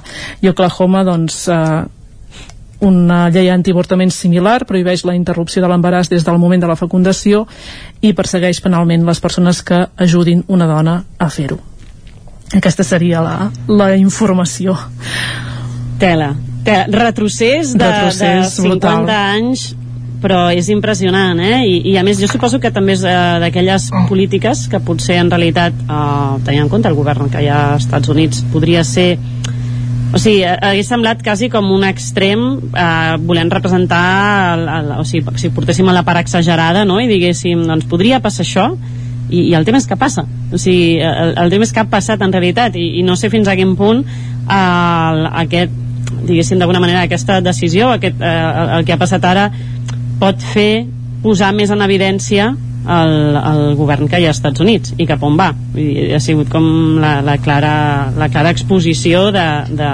bé, del final que hi, ha, que hi ha allà al capdavant. Una de les coses que he anat sentint també, no sé si d'això teniu més informació vosaltres, que m'ha semblat molt forta és aquest, que, que també hi ha com molt debat a xarxes, eh? aquest consell entre dones de borreu les vostres aplicacions sobre el control menstrual perquè poden fer, eh, es poden fer servir en la vostra contra en, en, en, en casos, en acusacions d'avortament. Això ho heu sentit? Sabeu com funciona? A més hi ha tot un debat amb això, eh? Sí, sí, sí, havia llegit informacions en aquest sentit que a través de la venda de dades no, que, que fan les empreses d'apps, sobretot de, de control dels cicles menstruals i també de recerques a internet, que de fet hi havia algun precedent en aquest sentit d'una persona que havia fet uh, una recerca a internet uh, sobre com comprar uh, píndoles uh, anti, uh, abortives, diguem, i, i que crec que era uh, al Mississippi doncs ja hi havia hagut un, un, un judici en, en aquest sentit. I sí que és una de les qüestions que s'han posat sobre la taula aquests, aquests darrers dies de com es poden utilitzar aquestes dades judicialment uh, en contra de, de les persones que decideixin avortar. Però de fet ja ho dèiem, eh, en les legislacions que, que han d'entrar en vigor hi ha aquesta, aquesta, aquesta persecució i també hi ha un premi que això també em sembla eh, de, de pèl de punta, diguem, eh, molt, molt, molt fort, fort que es premi eh, a qui denunciï a clíniques, Clar, a persones o a col·lectius que, final... que ajudin a avortar. És a dir, és una reculada de drets adquirits a més a més brutal ens anem més de 50, 50 anys enrere en el cas dels Estats Units uns drets adquirits a la dècada dels 70 que ara desapareixen i que a més a més eh, es fomenta aquest policia de, de, de, de veïns, de, de balcó, de carrer, de, del que sigui, no? Sí, sí, però a moda quasi recompensa, és que és, és molt fort, perquè bé, al final la gent pot, o sigui, pel simple fet de, de treure's uns diners o el que la recompensa, no sé eh, exactament en què consisteix, eh, si és monetària o... o 20.000 dòlars, però... en el cas d'Idao. 20.000 dòlars, sí. és que, que no, és, no és poc, 20.000 dòlars, és pasta, eh? Uh -huh. I, uh, per, uh, per trobar o acusar és que al final és com una mena de, de caça sense sense sentit, sense precedents i que a més a més eh, en detriment totalment del, del dret de les dones, no? A mi em sorgeix un dubte davant d'això perquè el, el dret a la, a la intimitat i, i el, dir, fins a quin punt o a darrere de, de, de quina llei als Estats Units pot eh, posar-se dins del teu mòbil o pagar amb empreses que es dediquen a, a, doncs, a comercialitzar amb dades eh, per saber doncs, quines cerques has fet. A, a, això quina base legal, legal té, no? perquè hi ha una cosa que es diu no? dret a la intimitat i dret a l'honor que no tinc massa clar on queden aquí Clar, el que, el que no, no tinc massa clar o sigui, és això, el com ho fan però sí que d'alguna manera en el moment en el que tu fas una acusació cap a una persona suposo que hauràs de Entenc que són, que són cosa, aplicacions en les que tu cedeixes dades, no? De fet, passen moltíssimes aplicacions. No? I Quan tu ho acceptes, uh, cedeixes unes dades a, a les empreses i després les empreses fan un ús d'aquestes dades. No sé, legalment no, no tinc Clar. coneixement, eh? però entenc que, que és això, són aplicacions d'aquestes gratuïtes, això, en la qual tu cedeixes no? una sèrie de dades i d'aquestes dades se'n fa, se'n fa un ús determinat. Sí, jo, Però jo també... en un país com Estats Units passa això, que se suposa que és com un, un, el, el què de la, de, de la de, de, la, de lo progre, no? per dir d'alguna manera, o el, se suposa que és un, un referent en, en algunes coses i, i ens trobem que allà passen com, coses d'aquest tipus, és que què pots esperar, saps, de la, mm. de la resta? Jo també llegia fa poc també a través de les xarxes algun post eh, de, no sé si coneixeu la, la sèrie del conte de la criada Um, sí. Doncs també llegia algun post que no sé si era l'autora o bueno, algú que, que feia una reflexió al voltant d'això, a dir fins a quin punt cada vegada s'assembla més o es pot arribar a semblar més a la realitat, no? aquesta societat eh, que, que representen en aquesta sèrie que és eh, Gilead, que que representa doncs, un, bueno, un patriarcat molt, molt, molt fort eh, on les dones, doncs, les que poden um, parir eh, estan doncs, uh, sotmeses i són, que, podríem dir, esclaves per, per doncs, una part de la societat que són qui tenen el control i um, doncs, que utilitzen aquestes dones que poden parir, que n'hi ha més aviat uh, poques per, per tenir descendència però les obliguen, no? no suposo que l'heu vist i una mica bueno, vinculat a aquesta doncs, um, doncs, prohibició de, de l'avortament de cada vegada doncs, una realitat distòpica que seria la que representa el cotó de la criada que pot arribar a fer-se fa por eh, però cada cop pot eh, ser més real Clar, al final és un triomf de, del trumpisme no? de Trump que ja no està eh, president dels Estats Units però amb aquesta modificació que, que va impulsar ell al Tribunal Suprem doncs això és una conseqüència i enllaçant-ho amb el que deia eh, Luc Luquetti eh, abans eh, en el tall de veu que hem sentit doncs és això, és l'extrema dreta és en el cas de, de l'estat espanyol i de Catalunya Vox no? que té, són partits que tenen aquests postulats que realment bé, mm, no sé, la sensació és que hi ha drets adquirits i drets que semblaven assumits i que estaven garantits que, que poden perillar a tot arreu és que realment a més les èpoques potser més, més convulses són precisament on, on passa això, no? on, on els drets perquè a més generen reacció evidentment no? I, i els extrems cada vegada eh, s'extrapolen més i, i davant d'una situació així suposo que als Estats Units la gent deu haver sortit al carrer, deuen estar d'alguna manera reivindicant-se, no només als Estats Units, sinó des de, amb solidaritat internacional en aquest sentit, però, però fins a quin punt es pot fer alguna cosa o fins a quin punt el govern que hi ha ara, la pressió social, aquestes, aquests moviments, aquestes manifestacions, els poden d'alguna manera fer canviar d'opinió, saps? Clar, clar el que es comentava és això que hi haurà un, un, com un mapa no, de, de l'avortament als Estats Units els estats on eh, governin els republicans eh, segurament s'implantaran legislacions molt restrictives i els estats on governin els demòcrates doncs eh, serà estarà emparat aquest dret no? i llavors eh, clar, això genera evidentment mm, una discriminació no? l'altra qüestió també és si les dones deixaran d'avortar o no, probablement continuaran avortant, no? El que passa que ho faran doncs, en, en alguns llocs en situació d'il·legalitat, segurament en condicions més precàries, per tant, doncs, tot va en detriment no? de, de les persones que, que, que decideixin avortar que al final és que no, la gent no deixarà de fer-ho, això dius molt bé tu, és que al final eh, la gent ho farà i, i, i ho ha fet durant molts anys, és com quan a vegades es parla del, per fer una comparació, que no, no té a veure, però per fer una comparativa amb el tema de la prostitució, no? Eh, que sempre s'ha dit, al final la prostitució existeix des de fa moltíssims anys i el que pot variar és en quines condicions i aquí és on està el debat. Doncs d'alguna manera hi ha certes coses que existiran i continuaran existint sempre. D'altra banda és com ho regules, com ho fas perquè, perquè això mm, funcioni més d'una manera o d'una altra, no? Però en aquest sentit és, és claríssim, i la gent no deixarà d'avortar si té aquesta necessitat i el que es poden és perdre vides, per desgràcia, entremig. Uh, ens arriba la musiqueta que ens informa del final del territori dona d'avui. Caral, uh, ens ha quedat pendent uh, aquesta llei trans que s'aprovava dilluns, mm. però dimarts que ve obrim amb tu, et sembla? Perfecte, us ho explico dimarts vinent. Doncs el dimarts que ve recuperem aquest tema de la llei trans que s'aprovava aquest dilluns i ens veiem novament a dimarts vinent amb un nou territori dona. Gràcies, fins aleshores.